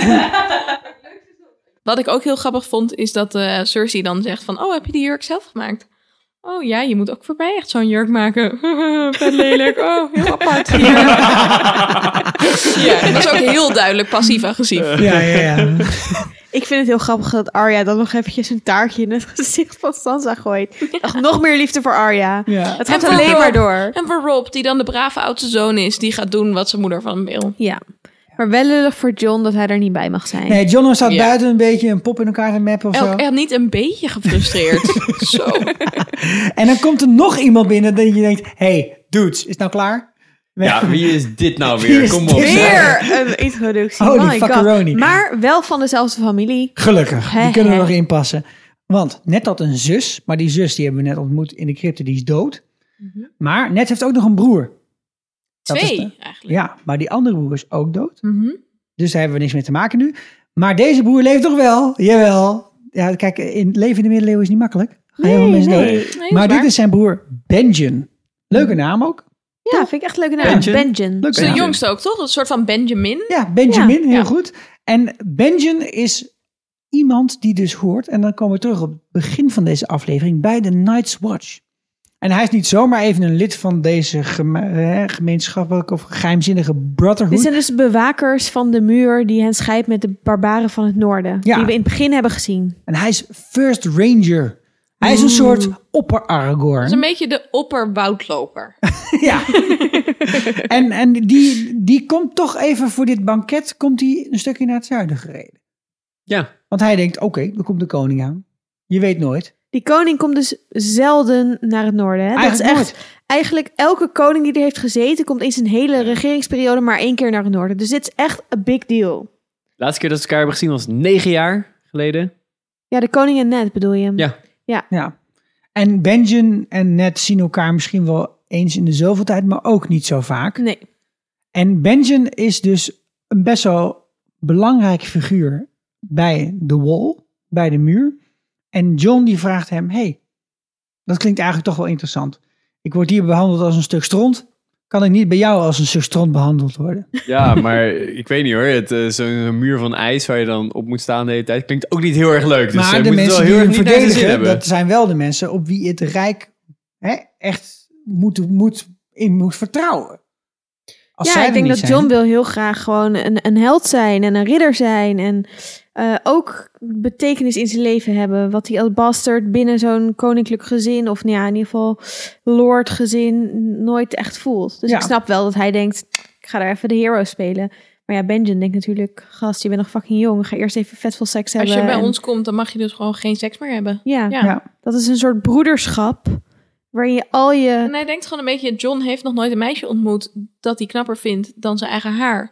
Dus op dit moment snapt hij nog niet zo goed wat hij opgeeft. Maar op een gegeven moment komt dat meisje natuurlijk wel. En ja, dan is het toch best wel kut om seks op te geven. Ja. Ja. Of zijn eigen apps, dat hij weet het afgeleid wordt door zijn torso. Ja, ook Zoals dat. wij. Ja. Ja. Na afloop van dit feest, wat toch eh, in eh, een aantal manieren wel een beetje uit de hand loopt, zien we nog een scène met Catelyn en Ned. Hè, de, dus de, beetje de koning en koningin van Winterfell samen in hun slaapkamer. En ja, Robert lijkt, eh, sorry, Ned lijkt er toch echt wel voor te gaan kiezen om de Hand of the King te worden, maar Catelyn die wil het echt niet. Dan komt er een brief. Dan komt er een brief. En die brief is belangrijk. ja, en die brief wordt meteen het vuur ingeflikkerd. Ja. Wat is dat? Ja, dus- ja, Alleen Catelyn heeft hem gelezen, Ja, toch? Dat is toch belachelijk? Dus Kathleen heeft die brief alles aan. kunnen hebben gezegd wat ze wilde. Alles hebben kunnen gezegd. Die leest die brief en is van... Oh, oh, oh, oh. Meteen verbranden. Maar Dit dit oh, zegt wel van meester Lewin, hè? Maar dit zegt wel iets over de manier waarop wij hierover praten, over wat voor serie dit dus is. De rest Ja. van deze serie gaat heel erg over politieke intriges, over wie kan je vertrouwen, wie niet, wat zit erachter, welke levels. Ja. Hè, dus dat is ook waarom we in het begin al zeiden, als je van House of Cards eh, houdt, als je dat soort series leuk vindt. Want dat zien we misschien nog niet zo heel veel in deze aflevering, maar dat, we, dat je meteen denkt, wat staat er op zo'n briefje? Wie heeft het allemaal gelezen? Wie heeft Ja. het gezien? Waarom gooit ze meteen weg? Dat zijn de vragen die de rest van deze seizoenen nog gaat hebben. zegel, zo'n brief wordt verzegeld. Die was niet gebroken. Dus zij, Nee. Kathleen, en Nou, de enige. Oké, maar ik heb een keer een workshop gedaan van hoe maak je verzegelde brieven. Stel hem al voor als nerd, dus nu, dit is het bewijs. Ik ga even een Eh, interventie plegen. Dat kan dus hebt ooit een gewoon. serie, je hebt ooit een cursus gedaan? Een workshop, niet een hele lange cursus, gewoon één middag in de Koninklijke Bibliotheek in, eh, in eh, Den Haag. En dat was hartstikke leuk. En daar leerden we hoe je dus je brieven kon verzegelen in de vroegmoderne tijd. Dus iets nadat dit dan zogenaamd zou moeten plaatsvinden. Ehm, en dat kan dus best wel goed. Je kan dus een zegel openmaken en dan weer dichtmaken. Wat heel slim is, is dat je een letter zo kan verzegelen, een brief zo kan verzegelen, dat er allemaal soort van sloten op zitten, waardoor je dus kan zien dat het zegel verbroken is. Hm. Maar dit leek echt vrij simpel. Voor mijn eh, enigszins getrainde oog. Wauw, ik wil hier heel graag Oké. meer Maar het zou over dus mogelijk zijn dat meester Lewin het wel gelezen had. En nou ja, goed. Maar verder misschien ervan uitgaande dat zeg maar, Meester Lewin niet naar deze cursus is geweest. Maar hij is naar hij hem geweest. Daar heb je sowieso deze cursus. eh vanuitgaande dat hij eh, dat niet zou doen, omdat Dat het hij gewoon een toen goede was? is. Oké, een ja. goeie- Oh, I love Meester Louis. Ja, dat is Ja, een ook. vent, weet je. Die zou dat niet doen. Je gaat toch ook Maar je niet, ziet dus eh, wel elkaars vervolgens-? Kathleen heeft deze brief gelezen. En ehm, eh, ze zegt ook van... Als jij daar naartoe gaat, dan ben jij ook in gevaar. Als jij naar King's Landing gaat. de koning is in gevaar, maar als jij daarheen gaat, ben jij dat ook. En dan zegt Ja, Lewin dus van, Wat, ja, wat staat er in de brief? Daar moeten we het nog even over hebben. ja eh, dat de Lannisters is hebben vermoord. John Arryn vermoord. Oké. Precies. En van wie komt deze boodschap? Van haar zus, Van haar zus, Lysa heet zij. die getrouwd was met John Arryn. Ja, dus zij, zij heet eigenlijk Catelyn Tully en zij heet ook Lysa Tully, maar ze zijn getrouwd met respectievelijk Ned Stark, dus Catelyn Stark, en John Arryn. John Arryn, dus Lysa Arryn. Mhm. Zij is dus de vrouw van de hand van de koning, die al die tijd gewoon lekker in haar eigen kasteel heeft lopen rondhangen. Nee, Nee, ze was uit King's was- Landing vertrokken naar de. Gevlucht dus eigenlijk. Ja, Ze Ja. woonde gewoon met hem in King's Landing. Maar nu ze erachter is gekomen dat hij gedood is, eh, of vermoedt dat hij gedood Fuck die is, shit. is hij vertrokken naar de Uber. waar hun eigen paleis staat. En, Met ehm, hun zoon. Met hun zoon. En they both have their health. Wat heel, eh, vond ik heel mooi uitgedrukt. Maar wat dus wel eh, bijzonder is, is dat je vervolgens ziet dat eh Catelyn echt niet wil dat Ned Stark naar het zuiden vertrekt, naar King's Landing. En dat je een soort van engeltje-duiveltje scène krijgt, waarbij dus Catelyn links staat van Ned en zegt van, je moet het niet doen. En dan Lewin rechts staat, zo van, Ja. maar als de koning gevaar loopt, ben jij de enige die hem daarvoor kan behoeden. Mhm. Dus het lijkt misschien alsof hij toch wel iets weet. Robert heeft ook al gezegd hè, van Ned, I need you, there's no one I can trust. Eh, Ja, ik heb je nodig. daar. Ja. Ja. precies. Dus hij, ja, hij voelt wel aan dat hij gewoon zijn eigen... We hebben net al die Lannister mensen gezien. We hebben de Hound gezien die bij de Lannisters hoort. Eh, de King's Guard, de, de aanvoerder daarvan, of een van de mensen daarvan, is de broer van Cersei, is ook een Lannister. Dus Robert heeft een eh, vertrouweling nodig Precies. in King's Landing. En dat is ook wat Ro- eh, Ned uiteindelijk gaat doen. En dan zegt Kathleen nog iets wat heel belangrijk is: dat ehm, eh, de, de, de vader en de broer van Ned Stark ooit naar het zuiden zijn gereden en nooit meer terug zijn gekomen.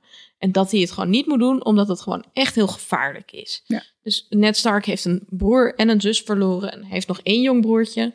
Ehm, maar ze wil gewoon echt dat hij blijft. En ze zegt ook van, mannen hebben het altijd maar over hun plicht. Maar kies nou gewoon eens voor je vrouw en je kinderen. En dat doet hij natuurlijk niet. Nee, want zo ging dat in die tijd. Ja, vind ik een slap argument.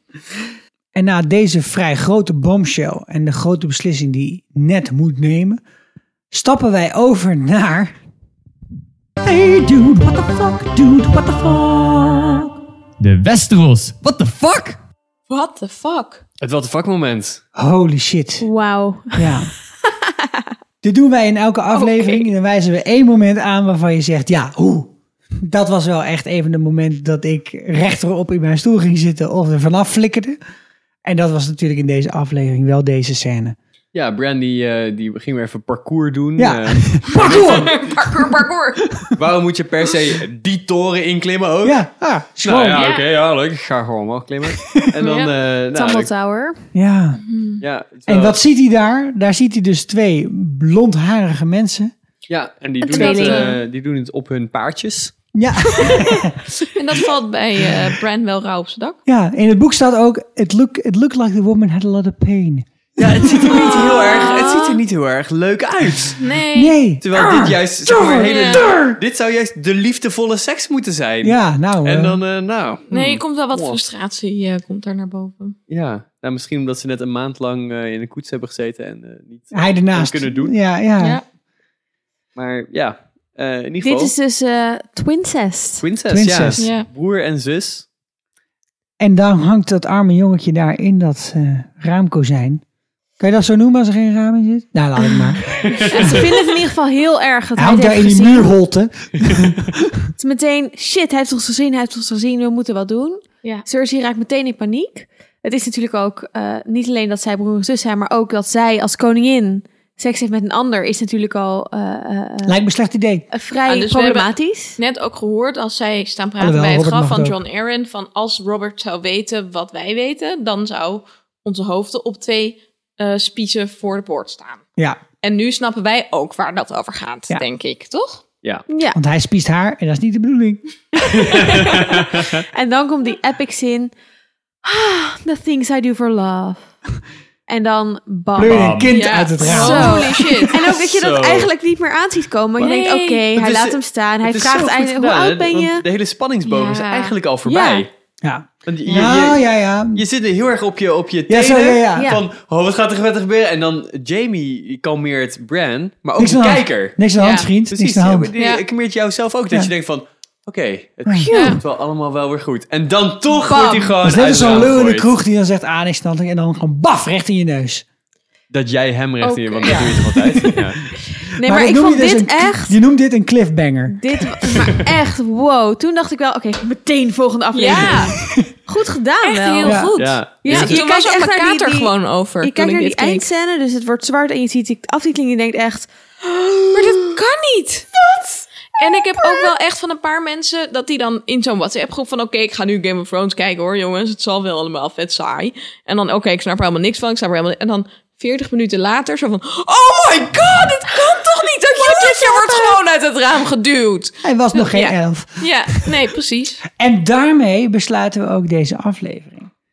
We kunnen dan alleen wel zeggen dat je de volgende aflevering nog veel meer nieuwe karakters gaat ontmoeten.